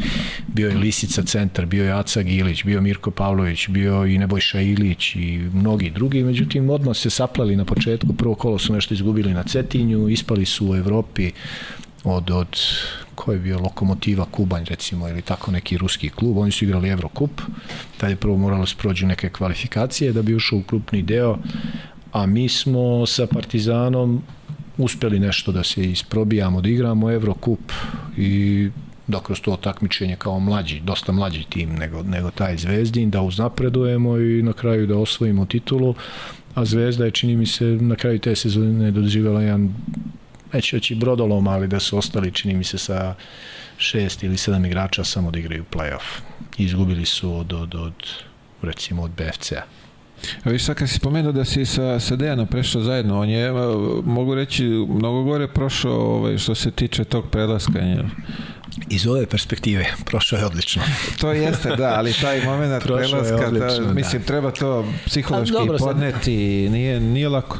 Za Dejana je bio problem zato što Dejan ima a, jednu okolnost da je rođen 6. maja na Đurđevdan da je Dejan Zvezdino dete ja. koji je sa Zvezdom osvojio i juniorsku titulu i uvek je bio neko ko je u pravom smislu Zvezdino dete i iz Beograda i rođena 6. maj i doneo taj prosperitet Zvezdi između 91. i 95. On je bio deo i reprezentacije već 95. koja je bila prvak u Atini i normalno da je njegov prelazak teže pao nego, nego nego moj. Nije naš značaj jednak. A možda je meni olakšalo malo, ja dok sam igrao za Zvezdu, to nije bilo sporno da sam ja navijač Partizana. I niko mi to nije zamerao. Na terenu mislim da ja prvi sam bio za to što i prirodno se boriš da pobediš Partizana ako može 50 razlike, 50 razlike ili ako je ako su oni bolji da ne izgubimo pet, nego ajde izgubimo jedan razlike. To se ne postavlja pitanje ni tada ni sada igrači su takvi. Tako da nije uporedivo to ovaj moje i njegovo, a ni ovo njegovo kao što rekao šta bi da, da danas da, da, bilo, kad, kad, takav igrač pogledaš, danas da. da pređe, to bi bilo jer Dejan je igrao već četiri godine, obeležio je tih četiri godine kao vrhunski igrač i u, u naletu svoje snage, a tek se očekuje od njega da bude ono što je i postao, da pređe u, u, u ovaj, kako se zove, u Partizan, jeste malo bila problem ja, za Zvezdu. Jasno. A, tamo ste sačekali mnogo dobri igrači. Od Harisa Brkića, Berića, Stragi, je li tako? Pa to je bio greši. jedan između ostalih i, od motiva. Aha, aha. Partizan je pravio ekipu, oni su u svojim glavama svi imali da znaju kako se postaje prvak Evrope i da ih je da su ih sankcije malo sprečile i da s ovom generacijom koja se pojavljuje upravo ti igrači Brkić, Berić, Rebrača kao nosioci svega toga da može ponovo da se proba biti prvak, da se pokuša da se postane prvak. I oni su isto na mene ostavili utisak na treninzima pravih majstora, mislim već i pre toga na utakmicama protiv njih bili smo jednom i na nekoj turneji neke reprezentacije do 22-3 godine nešto u Grčkoj tokom sankcija ja sam znao da se radi o vrhunskoj evropskoj klasi. Za sebe sam postavio pitanje da li ja to mogu da pratim kao playmaker, jer uh, nije to lako. Tada je uloga playmakera bila vrlo nezahvalna. Centru je moralo da se spusti lopta svaki put. Nije bilo dozvoljeno mnogo jurcanja u kontranapad, tad su oni bili napadi od 30 sekundi. Šta žuriš, ima vremena da se postavi, gde si ti krenuo i bilo je dosta dobrih šutera tad nisu bile odbrane ovako prilagodljive na te uzastopne blokade ili neke leđne flare blokade koje, koje se tada postavljale praktično si bio prinuđen da moliš nekog centra ti pomogne i onda je bilo isplatljivo da se igraju te kretnje za šutere koji su bili dobri i mnogo ih je bilo. Ozbiljni šuteri su tu bili pored tebe. A ne, ja mislim da ih ima i sada ali da jednostavno je odbrana drugačija sa mnogo preuzimanja, sa mnogo nekih zamki, oni ne mogu da dođu do takvog izražaja da ostanu 10 puta tokom utakmice ja, sami da ih mi gledamo. Da, mislim, tada je mogo izađe iz bloka Lončar u Partizanu 7-8 puta, vidi ga cela Jugoslavija na televiziji, kako Lončar iz punog sprinta izlazi iz bloka i diže se sa onim svojim lepim šutem, skok šutem, pogađa ili ne pogađa. Danas do toga ne može doći. M su odbranbeni igrači, jedan na jedan bolji, M je taktika bolja i on nema šanse da, mislim, neisplatljivo je da, da toliko vremena i blokada i energije se potroši za nešto što će na kraju se svesti na neko preuzimanje, mi smeči, ajde to da, da rešavamo. A, tu opet, kažem, dve titule za redom. Titule, ali ostaje jedan žal za razliku od ovoga u Zvezdi, ostaje jedan žal da taj tim nije iskorišćen u te prve dve godine kako je trebalo. On je tek uzeo neku vrstu rezultata odlaskom na Final Four posle tri godine i to tim koji je po meni bio već malo i okrnjen. Nešto sam ja otišao, otišao sam ja, došao je Đokić, to je otprilike sličnost Lukovski je dovoljno porastao da bude i, i prvi playmaker tada, mislim odrastao, ne porastao, nije u istinu otišao, nego je sazreo, nego Berić kao, kao onako neko ko je davao boju tom timu u smislu liderstva, hrabrosti, ambicije i neko ko je dugo u tom timu, on je otišao, otišao je bio Koturović, i došao je trener Muta Nikolić koji je to nekako drugačije hteo da, da, da sprovede i da napravi i na kraju nije on ni odveo tim, on je čini mi se smenjen bio ovaj, posle nekog poraza od Cibone za, za Božić 98. I njegov pomoćnik Ime Bogojević je proveo tu ekipu da odu na Final Four. Ali nije imala tu snagu koju je mogla da ima recimo da sa, sa Berićem i sa Koturovićem godinu ranije. Izvini, Haris uh, bio tad u, u, u ekipi? Jeste, jeste. Wow, Haris je bio nešto što je tom Partizanu jedno četiri godine najmanje. Znači sigurno godinu pre što sam ja došao u Partizan, obe te kad sam ja bio u Partizanu i verovatno tu sledeću kad su otišli na Final Four, davo je nešto Partizanu što nije imao niko. Znači on je bio igrač jak na lopti, u igri 1 na 1, u tada kako smo mi zvali igru 2 na 2 ubedljivo najbolja dvojka i važan deo bio projekta Partizana za taj period. Tada se davalo, Haris su davali, pogotovo turski klubovi koji su tada ušli u ekspanziju, su Haris, za Harisa davali po milion dolara. Partizan uporno nije hteo da ga pusti, uporno u želji da, da proba da ponovo postane prvak Evrope i da od Harisa napravi ono što su napravili od Danilovića u prethodnom turnusu, ali nekim sticajem okolnosti, eto, nešto toga sam već i nabrojio, nešto je možda bilo i do Harisa, nije to uspelo da se, da se realizuje u tih četiri godine kad je on trebao da, da, da bude praktično najbolji bek Evrope. A reci mi, je mogu sad s nekim da ga uporediš? Ili ima ne, ne, ne, neko da te podsjeća na njega? Kako je on to radio? Pa nema, nema, ne zato što je on najbolji i nedostižan, nego je Haris bio specifičan i pre njega, ja ne znam da je neko igrao kao on, ni, ni posle njega. To je bio takav jedan osobenjak i na terenu i van terena, opušten, istovremeno uvek u glavi koga je poznavao, a držim da sam ga ja dovoljno poznavao, pošto meni mentalitet odrastanja malo u Bosni, malo u Srbiji je prilično blizak i znam kako funkcionišu. Kad god se i šalio, uvek je u sebi ovaj, imao jasnu ideju zašto treba se šali, zašto se ne šali, zašto prema nekome treba da bude grub, prema nekome mekan i uh, malo ko to ima kao Haris. A ne bi ni on to imao, naravno da nije imao taj igrački kvalitet koji imao. I osjećao je on to da iza njega stoji i Partizan, da iza njega stoji i, i Savez, da je on bio projekat i u reprezentaciji koji treba možda mnogo da da, da ali se nekako u tom Partizanu Pogotovo mogu kažem 96. 7. kad je dao nagoveštaj velikog tima Partizan, kad su ovde padali i Barcelona i FS Pilsen koji je tada bio čudo tima isto sa Naumovskim i sa nekim drugim mislim tad su bila okolnosti da dva ili tri stranca mogu da igraju. A Naumovski je imao turski plasoš plus dva Amerikanca da, da, da, i onda da, da. sa tri stranca ti si tri puta bolji ovaj, nego, nego ostali timovi koji mogu da dovedu samo dva stranca. I te godine, kad je Partizan igrao dobro i imao šansu, mi smo izgubili od Olimpijakosa koji je postao prvak Evrope, izgubili smo ovu uh, dvomeč zapravo na tri utakmice se igralo ko će otići prema Final Fouru i izgubila se ozbiljnost koja je bila neophodna, pogotovo njemu da postane ono što je mogo da postane. Nažalost. Ne, da, posle da, se završilo da, tragično, nažalost. Je, da. da.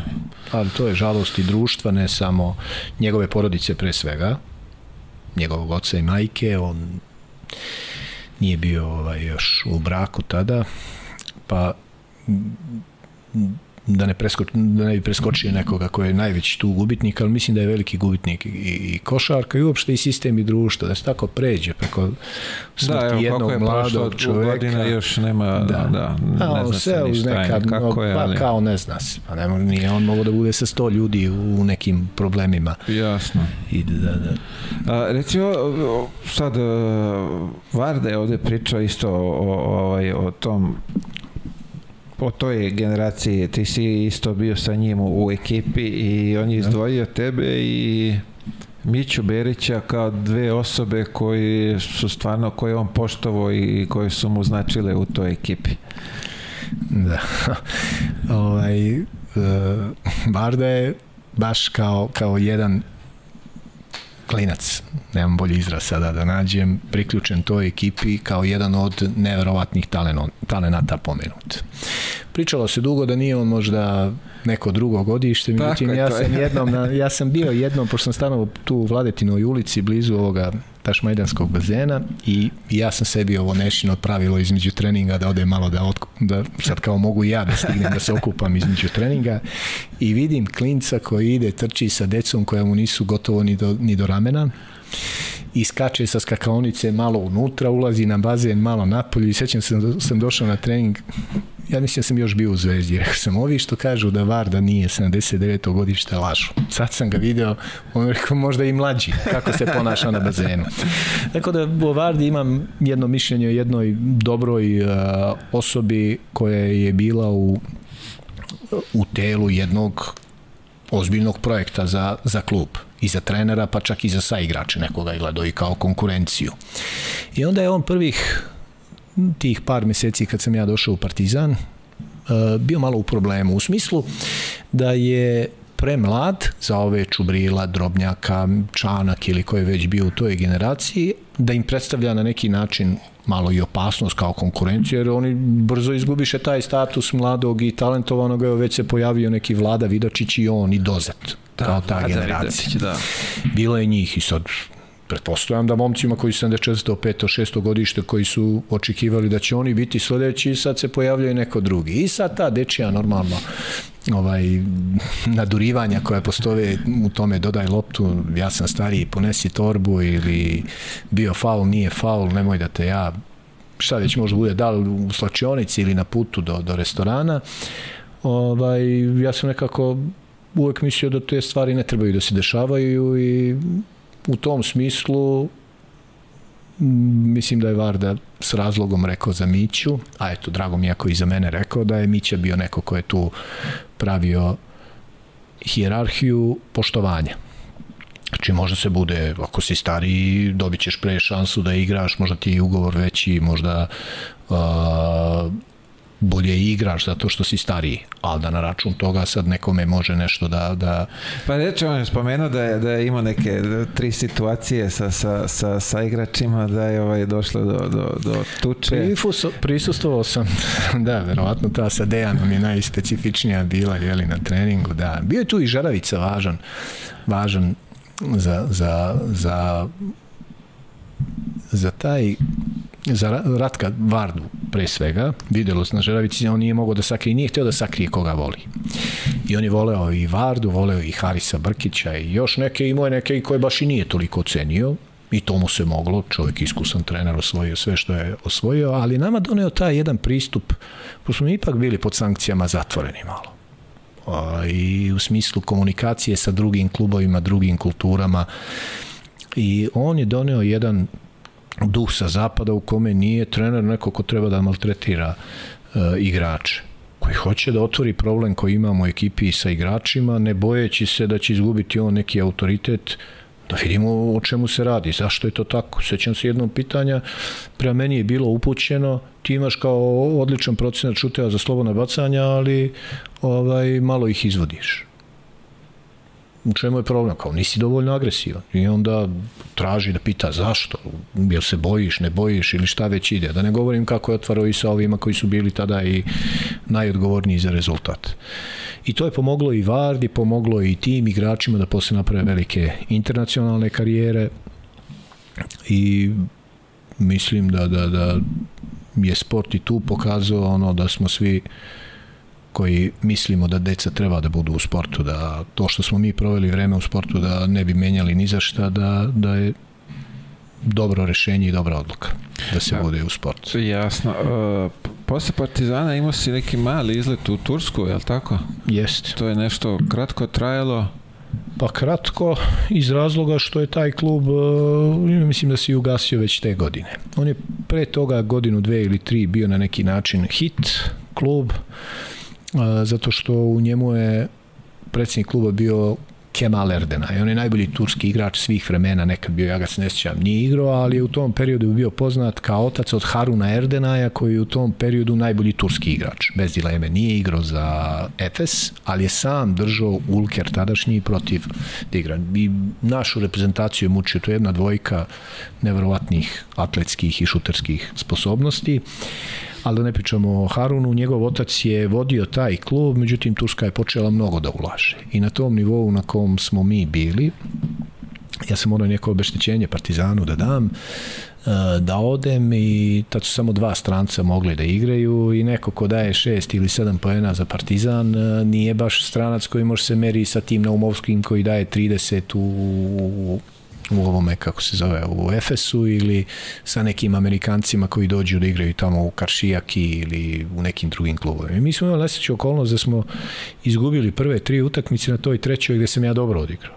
Ja mogu da kažem da sam odigrao jednu pripremnu utakmicu protiv eh, PTT Ankare na 7 dana pred početak lige da je trener tog kluba traži odma da otkupe taj moj ugovor od PTT-a da me uz, od uh, ITU kluba u Istanbul Tehnik Universitet i tako se zvao, da, da pređem da igram za PTT Ankaru koji igrao Eurocup, međutim ovi nisu hteli da čuju jer su oni mislili da treba i dalje to da traje, ali mi Amerikanac koji je bio i prethodnu godinu rekao nije ovo taj klub, kao ja idem za Japana, ti vidiš šta ćeš. Meni se tu desila malo neka povreda skočnog zgloba, pa nisam zalečio dva, tri kola i dobro je rešenje bilo i za njih i za mene da to prekinem.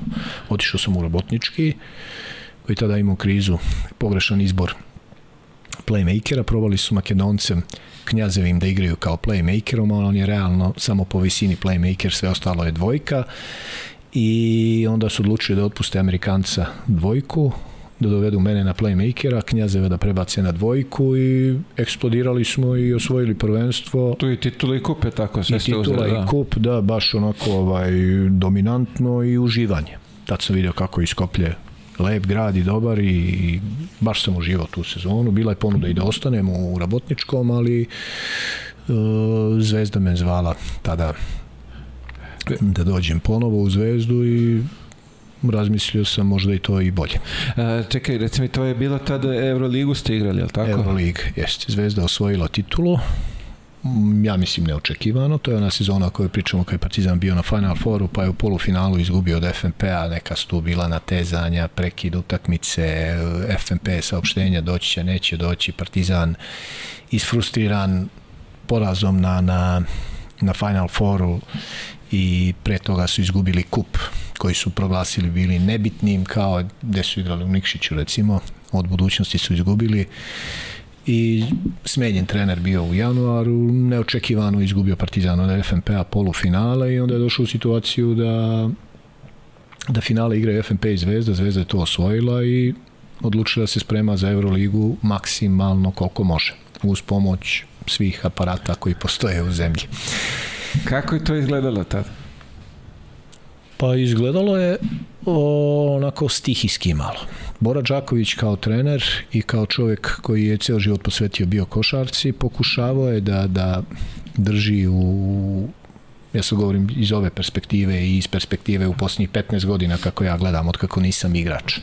Tada možda i nisam obraćao toliko pažnje. On je čovjek pokušavao da te upravi koji nisu mnogo znali s košarkom, ali su imali pristup novcu i velika obećanja prema javnosti, a pogotovo možda prema političkom vrhu, da im kaže do znanja da to mora, da im stavi do znanja da to treba bude sistem, a ne, ej, mi imamo pare i sad se idemo širimo po, po, po Evropi, mislim tad nije moglo mnogo stranaca se dovede, ali da dovodimo sve naše što valja. I onda se išlo u neke projekte, ajde da dovedemo Marka Jarića. I on je bio tu stvarno mesec dana s nama je bio na pripremama. U Španiji smo nešto bili na pripremama trenirao, ali nije realno da Zvezda ni u Markovim očima, ni u očima tog kluba koji ga je doveo tim sistem iz, iz Bolonje, da može Zvezda da izađe na kraj s njim.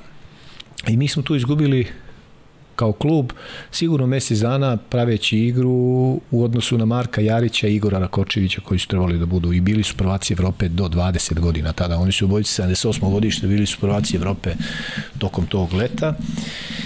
I onda kad je to pokazalo se da ne ide, onda je se desio i jedan kiks nes, mislim kiks, nesrećna okolnost da Igoru Rakočeviću slepo crevo pukne dan pred prvo kolo koje smo igrali s Cibonom, a s Cibonom se igra u praznom pioniru jer je prethodno Zvezda u finalu kupa što je bila kažnjena, kažnjena tako, da. jeste jer je nešto izgubila. Mnogo stvari se tu podesilo. Jedna i neprijatna situacija posle jednog treninga, da li imamo duge trenerke ili nemamo, pa nas kondicioni trener kazni da ovaj ne treniramo taj ceo dan, a prvi trener na to ćuti.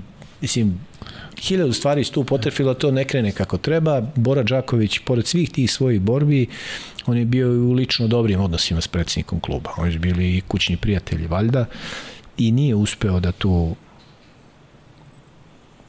želju tog rukovodstva da se menja da se meša u, u samu stvar, da bude deo tih dešavanja među igračima. Za razliku od onog prethodnog za koje sam rekao da je skromno bilo i, i znalo šta da radi, ovaj hteo da živi život, ovo rukovodstvo je htelo da živi život igrača, ko gde izlazi, ko kakav auto vozi i sve su hteli u te privatne stvari da se meša i normalno nekim igračima to prija, nekim ne prija i mislim da nismo imali atmosferu cele te godine. A imali smo izvanrednu ekipu, mislim da smo u krugu Zvezda, Partizan i budućnost. To prvenstvo je prekinuto zbog bombardovanja, da smo mi bili najbolji. Partizan smo dobili dva put, a budućnost smo pregazili u, u Beogradu, a tamo smo, mogu reći, ona izraz koji svi koriste pokradeni, ali ne pokradeni, ali realno uz neko suđenje koje uopšte nije išlo u korist Zvezdi, izgubili minimalnom razlikom. Međutim, poraz u, u Subotici i, i poraz od FNP-a je koštalo da to prvenstvo, pošto nije završeno sa playoffom, pro... nego samo budućnost je postala pro, prva. Progasili je da prvakom zbog A, pozicije. Odigrano su, odigrano su sva 22 kola, posle bombardovanja je odigrano još čini mi se dva kola i budućnost je s, promašio je polaganje Steva Načvehi u, u hali sportova, to da je dao E, Beobanka bi pobedila budućnost i budućnost bi imala isti broj bodova kao i Zvezda, pošto je Zvezda u krugu bolja, a Zvezda je bila prvak. Wow. Kako? Ali eto, to se okrenulo, budućnost je onda imala pristup Novcu. ogromnim novcima, uzela je sve što valja. Da, oni su bukvalno napravili malu reprezentaciju tamo dole u, u Podgorici tada. Pa ono, išli su da, mislim nisu mogli reprezentaciju jer su naši već bili napolju najbolji igrači, ali sve što je valjalo u zemlji. Tomašević, Topić, Brkić, uh, Kuzmanović, I to je to, imali su svoje šćepa. I Haris je tad bio dole. I Haris, da. Pa kažem da. Brkić, da. da. Ovaj, imali su dole ovaj, već Šćepanovića, Radonjića i Pajovića, Sašu Ivanovića i Bulatovića. Tako da imali su ne, ozbilj, da, da, da, Ali su išli da, da, na to da oslabe Zvezdu i Partizan. Jer tamo gde je bio, to je moje sad mišljenje, tamo gde je bio Dejan Tomašević, ta je kandidat za finale. A još kad spojite Tomaševića i Topića, vi ste prvak jer to je takav tandem bio ovaj dole pod košem nezaustavljiv, Topić ovaj gore kao nemaši. četvorka, nemaši, sva te, sve te poluviškove i ostalo rešava u odbrani, čita sve, pomaže, koliko puta bi mi primili neke koševe naivne da se ne pojavi top da pomogne i da spasi. Ili kad nas udvoje, kad zaglavinjamo u dvojicu, misliš ode lopta, on se pojavi kao u ovim filmovima. Ovaj, Imao si tu epizodu u Hemofarmu, te 3-4 godine. 4 godine, da. 4. Kako, kako vidiš ti, pošto tu smo se i sreli i upoznali prvi put, kako, kako vidiš ti taj projekat? To... Ja vidim to kao o, najbolji i najzdraviji projekat od kako sam ja blizu košarci kod nas. Jer pogodilo se sve ono što treba da ima osim možda navijače, pošto je Vršac mali grad i ne može da ima svoje navijače, pošto je Srbija takva zemlja podeljena na Zvezdu i Partizan. Podesio se čovek koji je dugo u košarci, jer on je bio predsjednik Saveza još 1988. kad su naši osvojili ono Anđar Butina kada je onaj koš čovek koji se raduje je Miša Babić koji je napravio firmu evropskog giganta ajde ne kažem evropskog, ali ovaj region ovde uz Krku i Plivu i Galeniku Hemofarm je bio firma koja je dosta dobro radila i odlučio je da svom gradu koji on voli da podari nešto spektakularno. To je i dobar klub, prvo ženski, a posle muški, sa evropskim utakmicama, sa salom koja je ubedljivo najbolja. Mislim da i danas spada u Zarenu jedini vrhunski da. kvalitetni sportski objekat. Pa vidi, posle arene to je najnovije što ja mislim u Srbiji ima. Da i ove koje su pravljene nisu na tom nivou pravljene da budu spektakularne. Ona je pravljena sala da se meri sa evropskim vrhom. I to su bili početni uslovi da se napravi nešto veliko. Ja sam našao tu u drugoj godini, već Zvezda je odlučila da pravi tim sa mlađima i boljima, meni već bilo 29 godina, da treba da se proba sa drugim igračima, otprilike i dovoljno sam imao ja 7-8 godina, videlo se koji su moji dometi da treba nešto drugo da se traži u, i mlađe u, u ovaj, i, i bolje u, u Partizanu i Zvezdi. Vreme je bilo za takve, a Hemofarmu je trebao neko iskusan i koji ima već neku i istoriju svojih nekih osvajanja i uspeha. Tako da mislim da smo bili dobra kombinacija, iako ja u početku nisam bio bog zna kako oduševljen sa, sa odlaskom u Vršac. Uvek, kao i svaki igrač, misliš da više vrediš nego što je tada bio Vršac, ali srećom već te prve godine na kraju mi smo došli do polufinala play-offa i napravila se ono atmosfera da je to dobar klub.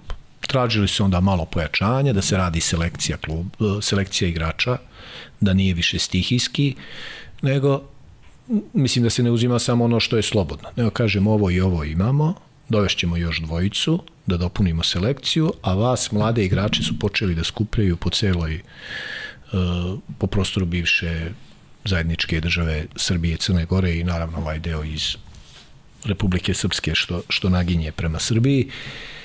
I godinu po godinu to je raslo i izgledalo kao nešto što će trajati, tako se i pričalo, najmanje 10 godina će u Vršcu biti ozbiljan klub. Trpeli su se i porazi u javnosti, u smislu nije se dizala panika, pokradeni smo ili ne znam šta, mi smo znali unutra da istrpimo dosta i kritika i od trenera i od uprave kluba u smislu poređenja, znate li vi koliko rade ljudi u fabrici da, i da, da, da, sećam se. Tako je, to teško pada u tom trenutku kad slušaš, ali sad kad prođe vreme imam puno razumevanja i za to što je tako išlo.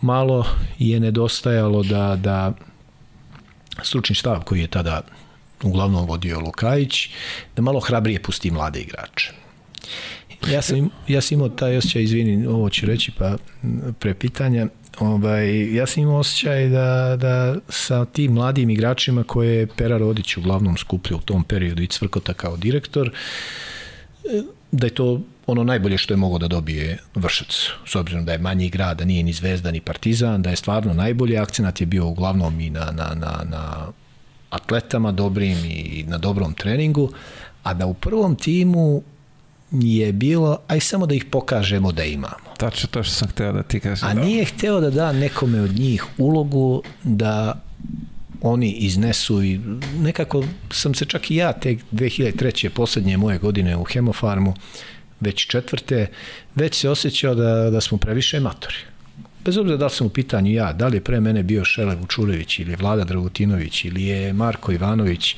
ili Stevan Peković koji je bio atrakcija broj 1 tamo Tako. u Vršcu, on je nekako najviše bojio taj hemofarm u početku, da smo ipak bili preko 30 godina i da je, pa i onda kad smo dovodili pojačanja da nas malo ojačaju, to je bio Bogavac koji već imao 26, 7, 8 godina, pa je onda posle toga to bio i, i Savo Đikanović. Koji... Savo Đikanović, da. Sloba Šljivančanin. Da. Malo je dovedeno mladih igrača, da, a da mu se da odmah prilika. To je posle čini mi se malo promenjeno 2006. 7. 8 ali tada i Partizan već bio zabetonirao svoju ulogu gde čini mi se moralo malo drugačije nego što su mirni ljudi iz Banata hteli tako da... je, tako je. Uh, kako si ti vidio, ajde tu kaš, bilo je mnogo talenata, jedan od njih je bio i Darko koji je posle vama se priključio u, u prvoj ekipi, ti si imao priliku s njim. Kako si ti video njega i celu tu pompu oko njega? Pa na dva načina. Prvi je taj da, da se pojavio dečko, ja sam otišao jednom gledam neku juniorsku utakmicu tamo u Jatove, on, onu tamo salu gde su igrali ili je došao neki momak preko mene bio da proba na probu tamo pa sam gledao trening i stvarno vidi se neko ko je iz aviona može se vidi da je svetski talent Darko Miličić po telu. Onda su ga to, to leto priključili malo na pripreme sa nama i jedno iskreno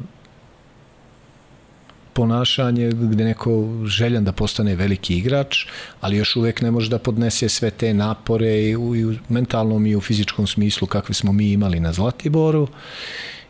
I onda je kod nas došlo do neke krize rezultata, smenja malo Lukajić, pa posle se on vratio, a otišao je bio i Peković iz kluba i Darko Ruso je u tom kratkom periodu njemu neočekivano dao veliku šansu.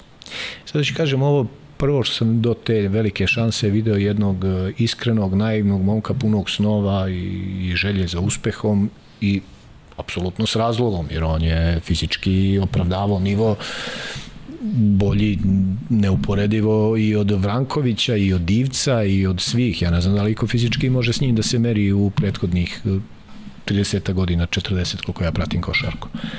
E onda sa tim forsiranjem od strane Rusa, ili Rusoa, kako bi se već reklo, došlo je, pošto je usled opet malo loših rezultata i Ruso smenjen pa se vratio Lukajić jer je zaključak došao do toga da nisu naši loši rezultati bili zbog e, Lukajića nego zbog Peković je ispao žrtva Stevan, iako mislim da ni to možda nije trebalo tako da se završi. Svako je tu tražio za sebe malo neki prostor da opstane.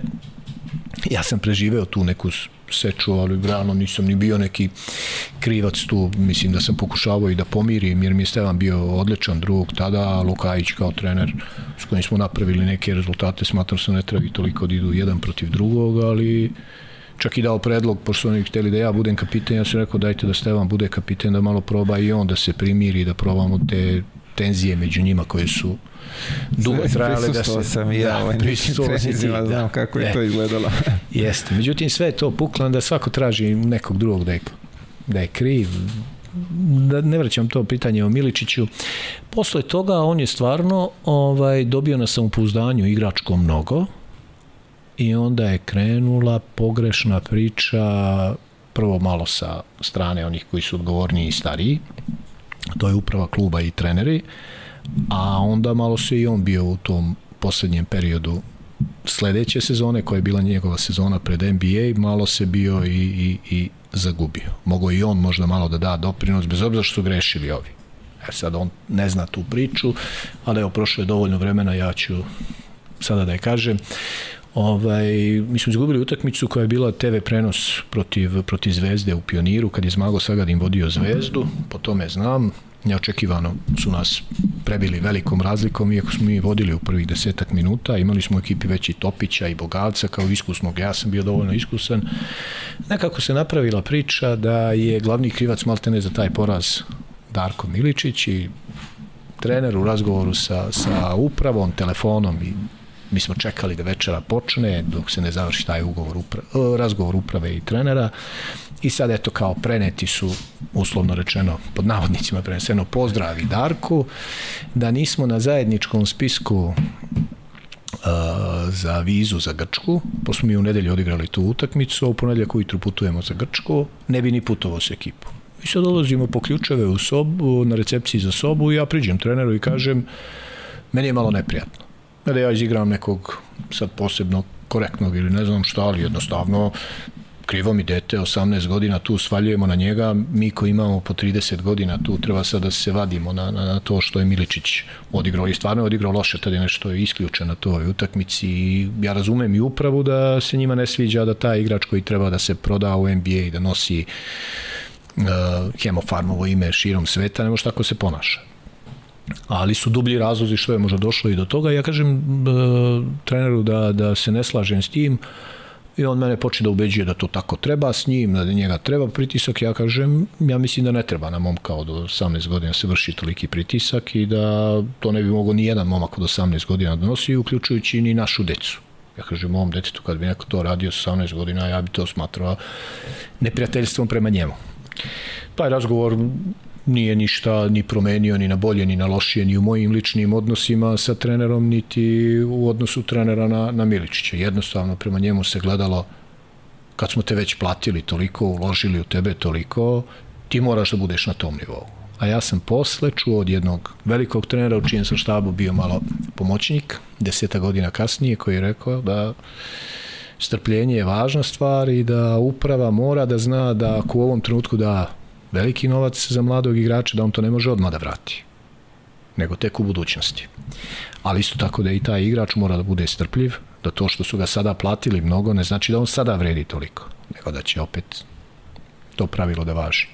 Tako da ta priča je dobila potvrdu sa zakašnjenjem, da sam znao ranije ili da sam se pitao, ja možda bi bilo drugačije, ali on spada u ovu priču o Neši Iliću pa na kvadrat.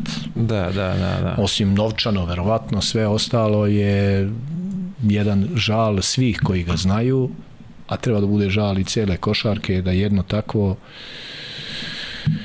jedan takav talent nije praktično ništa vratio, ne vratio, nego nije doprineo nekim velikim uspesima naše reprezentacije ili klubova za koje bi igrao. Tačno tako, tačno tako. E, nekako meni ostaje e, neka slika da je on neki buntovnik, znaš, da, da, da je neshvaćen, a ovi drugi nisu dovoljno ga razumeli i onda je tako nekako se to... E, mislim da je on se branio sa time.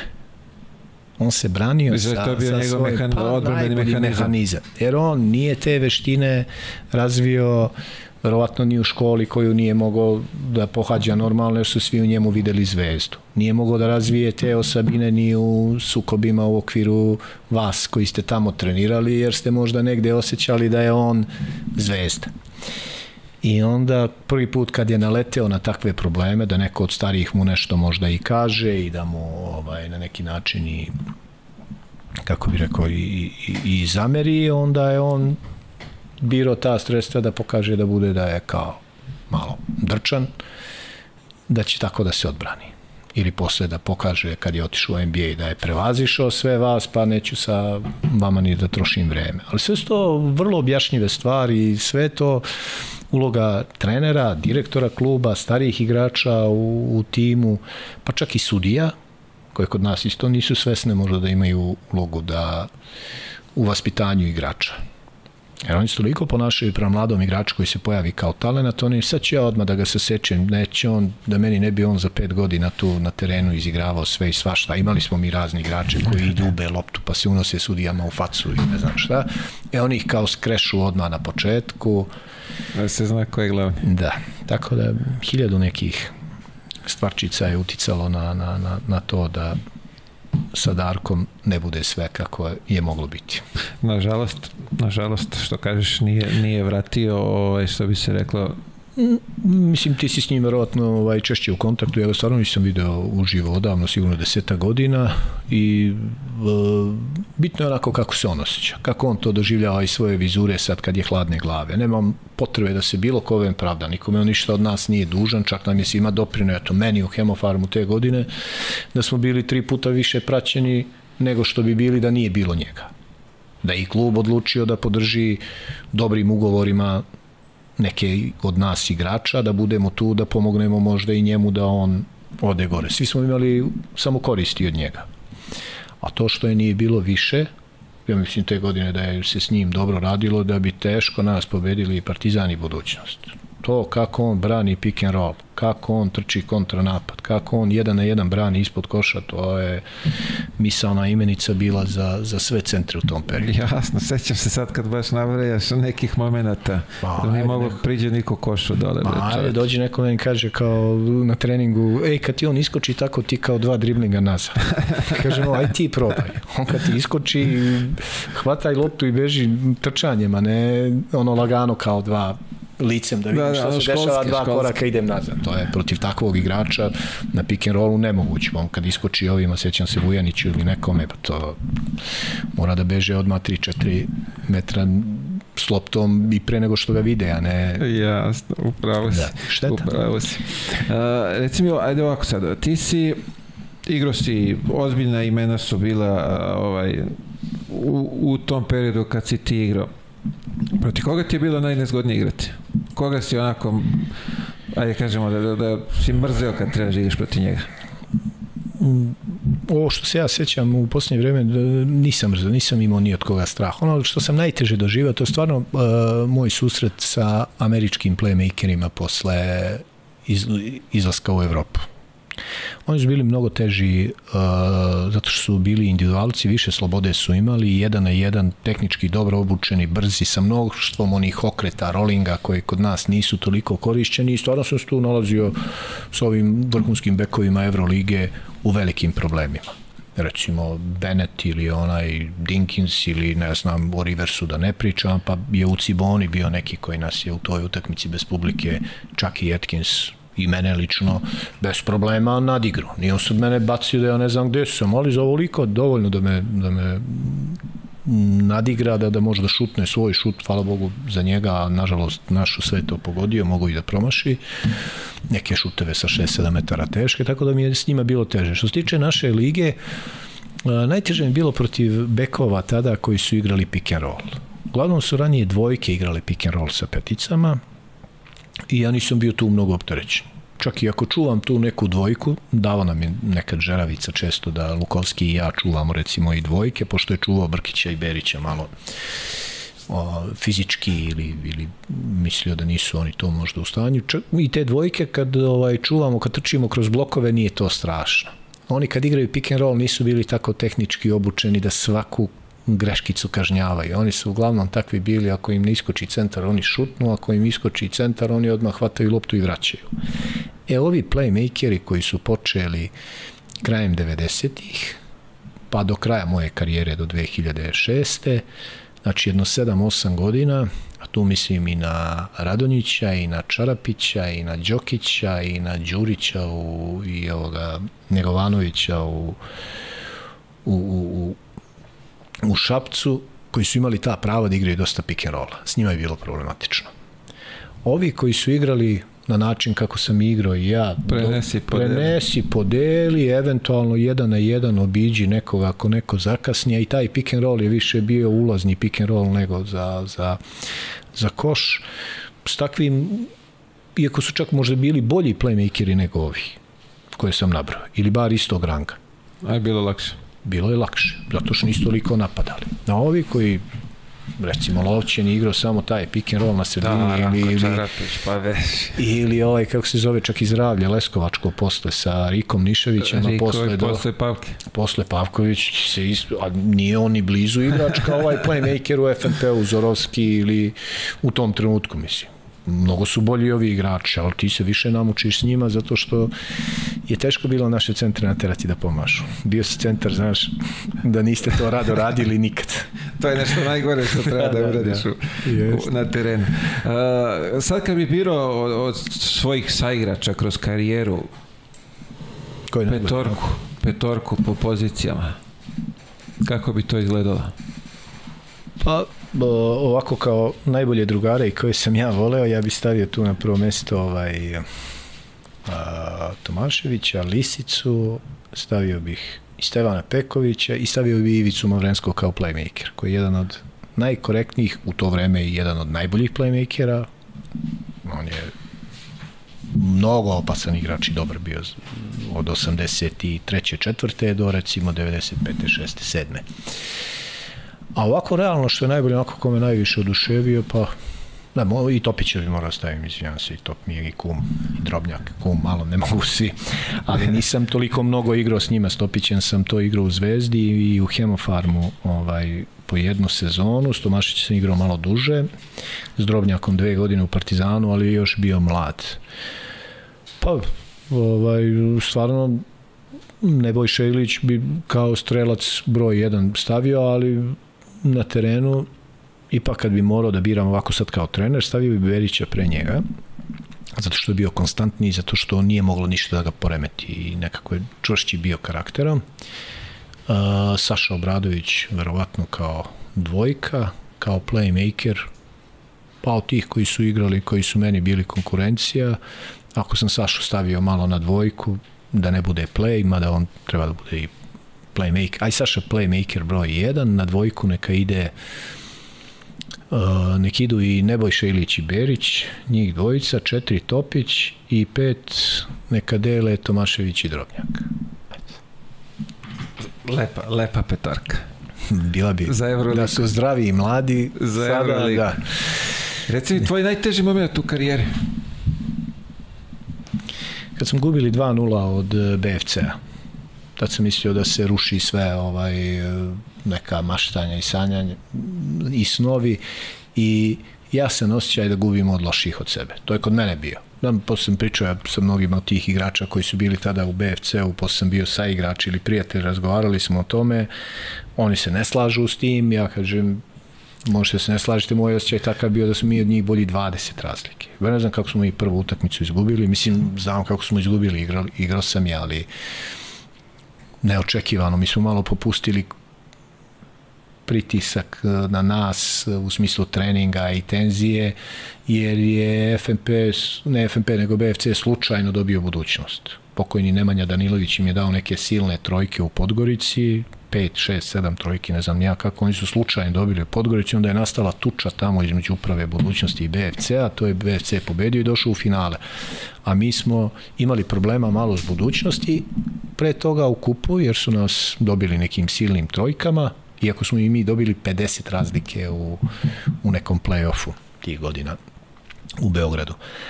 Ali smo se bojali i Beobanke. Beobanku smo 2-0 prošli u play-offu i odlučili smo sad je kao bit će lagano, opušteno, vi već razmišljali neki o reprezentaciji, neko o moru, neko o kupovini auta, a odbojkaška reprezentacija prvi put igra onu svetsku ligu, pa nam traže da li možemo mi, oni da treniraju u ja. našem terminu malo duže, mi kraće, smešteni gore u karantinu u hotelu M i ušli smo nespremni u prvu utakmicu. Oni nas iznenadiše malo šutem s polja, malo načinom igre. Drugu smo se zainatili, međutim na desetak razlike za nas uđo smo u nervozu i baš Brkić je mnogo puta promašio ono jedan za jedan slobodna bacanja pravila. Tako da smo samo na tome to da smo pogađali u normalnom procentu pobedili ih, ali pobedili bi ih, ali nismo, izgubili smo. Kuzmanović, ja mislim da nam je dao 28 pojena recimo na toj utakmici, 2-0 za njih, ide se za Novi Sad. I tu misliš ono sve gotovo, iako se mi još uvek nadamo, igrali su oni neku tri zona, dva čovek i ne znam šta je bilo. I onda taj period, ta noć i narednih dva, tri dana su bili baš teški dok nismo otišli u Novi Sad i onda smo tu treću utakmicu relativno lako dobili i posle se promenilo. Ali bilo je toliko tenzije da sećam se kad smo otišli na, na, na večeru posle te utakmice u M i ajde kao treba da se ide kući, nas nekoliko je traženo, mogu da idem kući, da ajde ostanemo u karantinu, ono, neće se razdvojiš, ostali smo tamo. Nije vam bilo dobro. Nije. A, kad, kad, kad ti počneš da razmišljaš o kraju karijere? O, vrlo jednostavno sam to sebi predočio recimo oko 31. druge godine. Još sam bio u Hemofarmu, tad sam mislio još ću da igram, recimo, ali sam počeo da razmišljam. Već neko počinje, a ti bi trener, hoćeš li trener, a treba mi direktor i svako nešto pominje u vezi toga. Ja sam htio da igram košarku dokle god mogu da igram i vrlo jednostavno dva pravila. Jedno je nivo takmičenja na kom hoću da igram. Neću da završavam sad u bezveznim ligama da idem bez veze jer to mi ne može mnogo toga doneti ili uh, nivo novca koliko će neko da mi plati i kad ti kriterijumi ne budu zadovoljeni tokom prelaznog roka, znači da nema ponude za mene i tu je kraj. I tako se i desilo. Reci mi, jesi imao plan uh, šta ćeš posle da radiš kad se karijera završi? Nisam bio siguran, mislio sam, ja sam bio jako posvećen samo igranju, jer dok sam igrao, mnogi od saigrača su ulazili u neke ideje šta bi sa nekim biznisima, to se uglavnom loše završavalo. To nisam hteo, jer sam hteo da budem posvećen košarci, ni bilo kakve građevinske ili trgovačke ili neke kombinacije. I mislio sam da kad završi s igranjem, tada kad budem imao više vremena, smatram sebe prilično otvorenom osobom, da ću tada i videti šta bi moglo biti dobro za mene. Neću biti pritisnut da odmah moram nešto da radim, imaću rok od godinu ili dve da vidim šta i kako. I tako i bilo na kraju. Se završilo igranje. Ja sam imao ponudu u posljednje godine kad sam igrao u Ukrajini. Na kraju karijere nudili su mi da ostanem trener mladog tima njihovog i uz prvi tim i prilično dobro i plaćeno da ostanem tamo, ja sam rekao neću, hoću se vratim kući godinu dana, trenersku školu sam već bio upisao, da završim i to, malo stari sin je kretao u prvi razred osnovne i onda malo po malo se okretalo prema tome da, da može se pojavi nešto i u trenerskom smislu, u vizuri prvo gore, oni su imali solidne neki igračići, ali nisu imali trenera. I prosto sam ja u vizuri često trenirao za sebe samo, oni su mi rekli, ajde, hoćeš, imamo dobru ekipu, tako počeo da ih vodim. Godina kasnije mladi tim Crvene zvezde, pa pomoći treneru Zvezdi, pa sam otišao u Višegrad, dole bio dve sezone, dve sezone u Sarajevu, dve sezone u Leotaru, s tim što to u Sarajevu nisam bio pune dve, nego sam došao recimo sedmo, osmo, deveto kolo i otišao sam godinu kasnije isto tako deseto kolo jer tamo je stvarno bilo već finansijski nepotrebno da čovek sebe iscrpljuje. Ja, Jer ja nisam igrač Bosne, niti stanovnik Sarajeva da bih rekao, e pa dobro, to je moj klub, pa ću da, ja tu da, da, da pomognem da. da bi trpeo sve to. Niti ja njima mogu pomoći, ne postoji način da im se pomognem, ovo sam, drgo nas je držao neki entuzijazam rezultata i, i rada, ali kad je počelo da je problem da se stane na benzinsku pumpu posle utakmice gde gostujemo, da igrači dobacuju onako, ja im ne zameram. Ja bi isto tako se ponašao. Što stajemo kad nemamo pare da kupimo ja, ništa i onda... Kakva teška situacija. Da. I onda sam odlučio da tamo ne ostanem, iako je ne mogu da kažem ni jednu lošu uspomenu iz tog perioda, ali jednostavno rezultatski više nije bilo smisla nikakvog ostajati. Slično iskustvo je bilo i u, nažalost, u Subotici, koja po svemu treba da ima dobar klub, dobre igrače i dobar rezultat, nažalost u tom periodu kad sam ja bio gotovo slično kao u ovo u Sarajevu što sam doživeo. Jasno. Jasno. Reci mi, evo, uh, igrao si za Partizan i Zvezdu. Evo, konačno su oba tima u Euroligi. Kako vidiš ti i šta očekuješ od te naredne sezone? Ja mislim da u mnoštvu loših poteza ulaganja u sport. E, najmanje je loše što se daje toliko dobro, mnogo za Partizan i Zvezdu. Kao odmah jedan, da kažem, ogradu od onoga što ću sada kažem. A hoću da kažem da u ovom trenutku, po mom viđenju, ni Zvezda ni Partizan ne treba toliko da insistiraju na Euroligi. Oni nemaju ono što zemlja poput Srbije koja ima 7 miliona stanovnika, koja ima ligu takvu kakvu ima.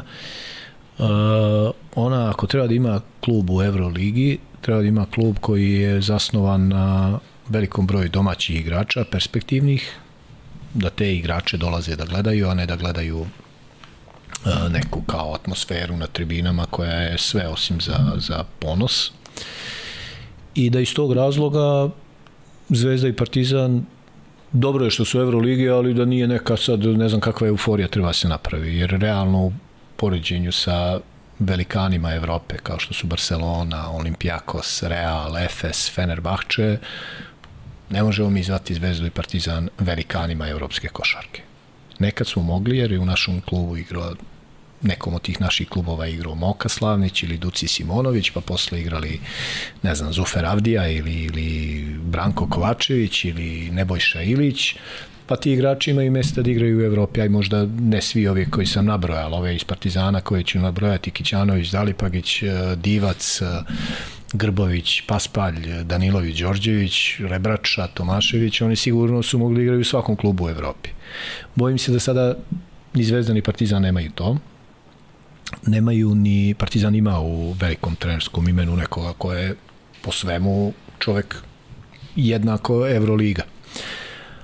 Ali šta to donosi trenutno a, Partizanu i Zvezdi veliko i šta to donosi našoj ligi i našoj košarci, to je već za analizu.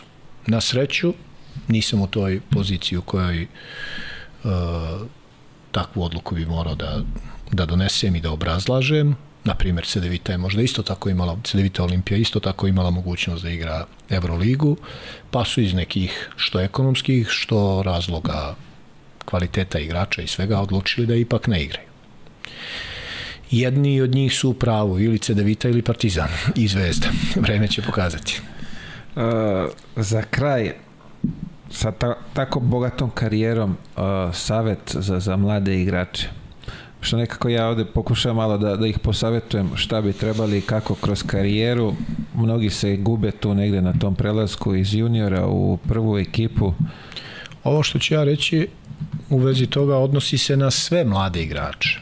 Jer mi sad e, često samo uzimamo u obzir one najveće talente, pa šta njima dati kao savjet. Oni to nijanse odlučuju kod tih super talentovani. Kod ovih koji nisu super talentovani, njima ne može pomoći ni najbolji trener, ni individualni trener, ni da igraju u boljem klubu, ni bilo šta.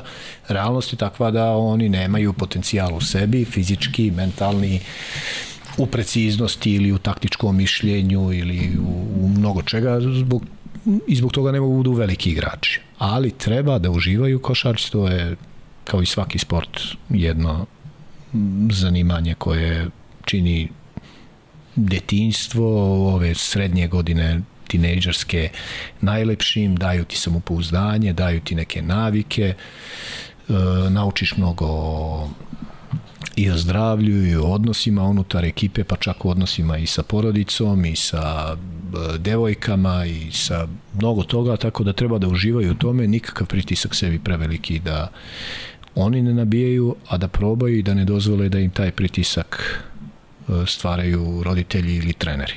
I jedni i drugi znaju da budu u tome mnogo vidite kako mislim da roditelji da roditelji možda i nekad A ne i bi ja skinuo odgovornost ni sa trenera. U posljednje vreme mi previše optužujemo roditelje da ali možda tim roditeljima neku lažnu nadu daju i ti treneri koji individualno treniraju decu ili u klubovima i nećete naći mnogo trenera koji vam sada evo u Beogradu ima mnogo klubova sa mnogo selekcija pionirskih, kadetskih, juniorskih i svaki trener će reći kakvog imam klinca kod sebe Pa nemoguće da baš u svakoj ima, ali svi oni žele da predstave da je kod njih nešto veliko se dešava i to je razumljivo. Ali mora biti u jednoj meri koja je normalna. Pa nemoguće sad baš u svakoj klub, u svakom klubu postoji ne znam kakav talent koji će biti za NBA. To treba bude jedna aktivnost sa zadovoljstvom da se radi, niti sme da niti treba mnogo da iscrpljuje finansijski roditelje i tu decu, a s druge strane ne treba bude ni besplatna jer ipak neko, neki rad tu posvećuje deci, radi s njima i promoviše se nešto što je zdravo i to treba da ima i svoju cenu. Tačno, tako. E, za kraj smo nešto preskočili da nismo, da bi dodaš Ništa, ne, nema ovih pitanja kako će reprezentacija proći na evropskom. Evo, možemo da vidimo. Slabo pogađam, navijač sam čisti, tako da ako već moram kažem, opet ću reći navijački plasirat ćemo se na svetsko prvenstvo i ući ćemo u finale, ali nemoj da se neko kladi jer nisam do sad pogodio ništa. Pa, vidjet ćemo. Ja se nadam da će biti zdravi, da će zdravlje poslužiti sreća malo pogurati, pa da, da to bude ovaj, posle 20 godina. Vidi se da si dugo godina bio u profesionalnom sportu kad treneri pred sezonu kažu da je u sportu sreća u stvari to, da budu svi zdravi. Vidi, zar nije tako? Na kraju se sve sede na to jesi zdravi ili imaš sreće. A dobro, to, tako je. I svodi se na one koji imaju to posao 24 sata dnevno. Ali onima koji sa strane gledaju i navijaju, aj sad nama u odbojici to da kažu ili u waterpolu, ja bih rekao, gde će se povredi u waterpolu, šta mi pričaš ti sad o povredi ko da može se povredi u waterpolu, a oni koji su direktno vezani u waterpolo, oni znaju da i tamo ima veliki broj povreda i rekli bi kako ovi ništa ne razumiju. Vidi, naše je da navijamo, da ih podržavamo, šaljemo pozitivnu energiju i da poželimo svu sreću moguće. Tako je. Dragi gledalci, bio to Ljubav Vidačić. Hvala vam na izdvojenom vremenu i vidimo se sledeće nedelje. Pozdrav.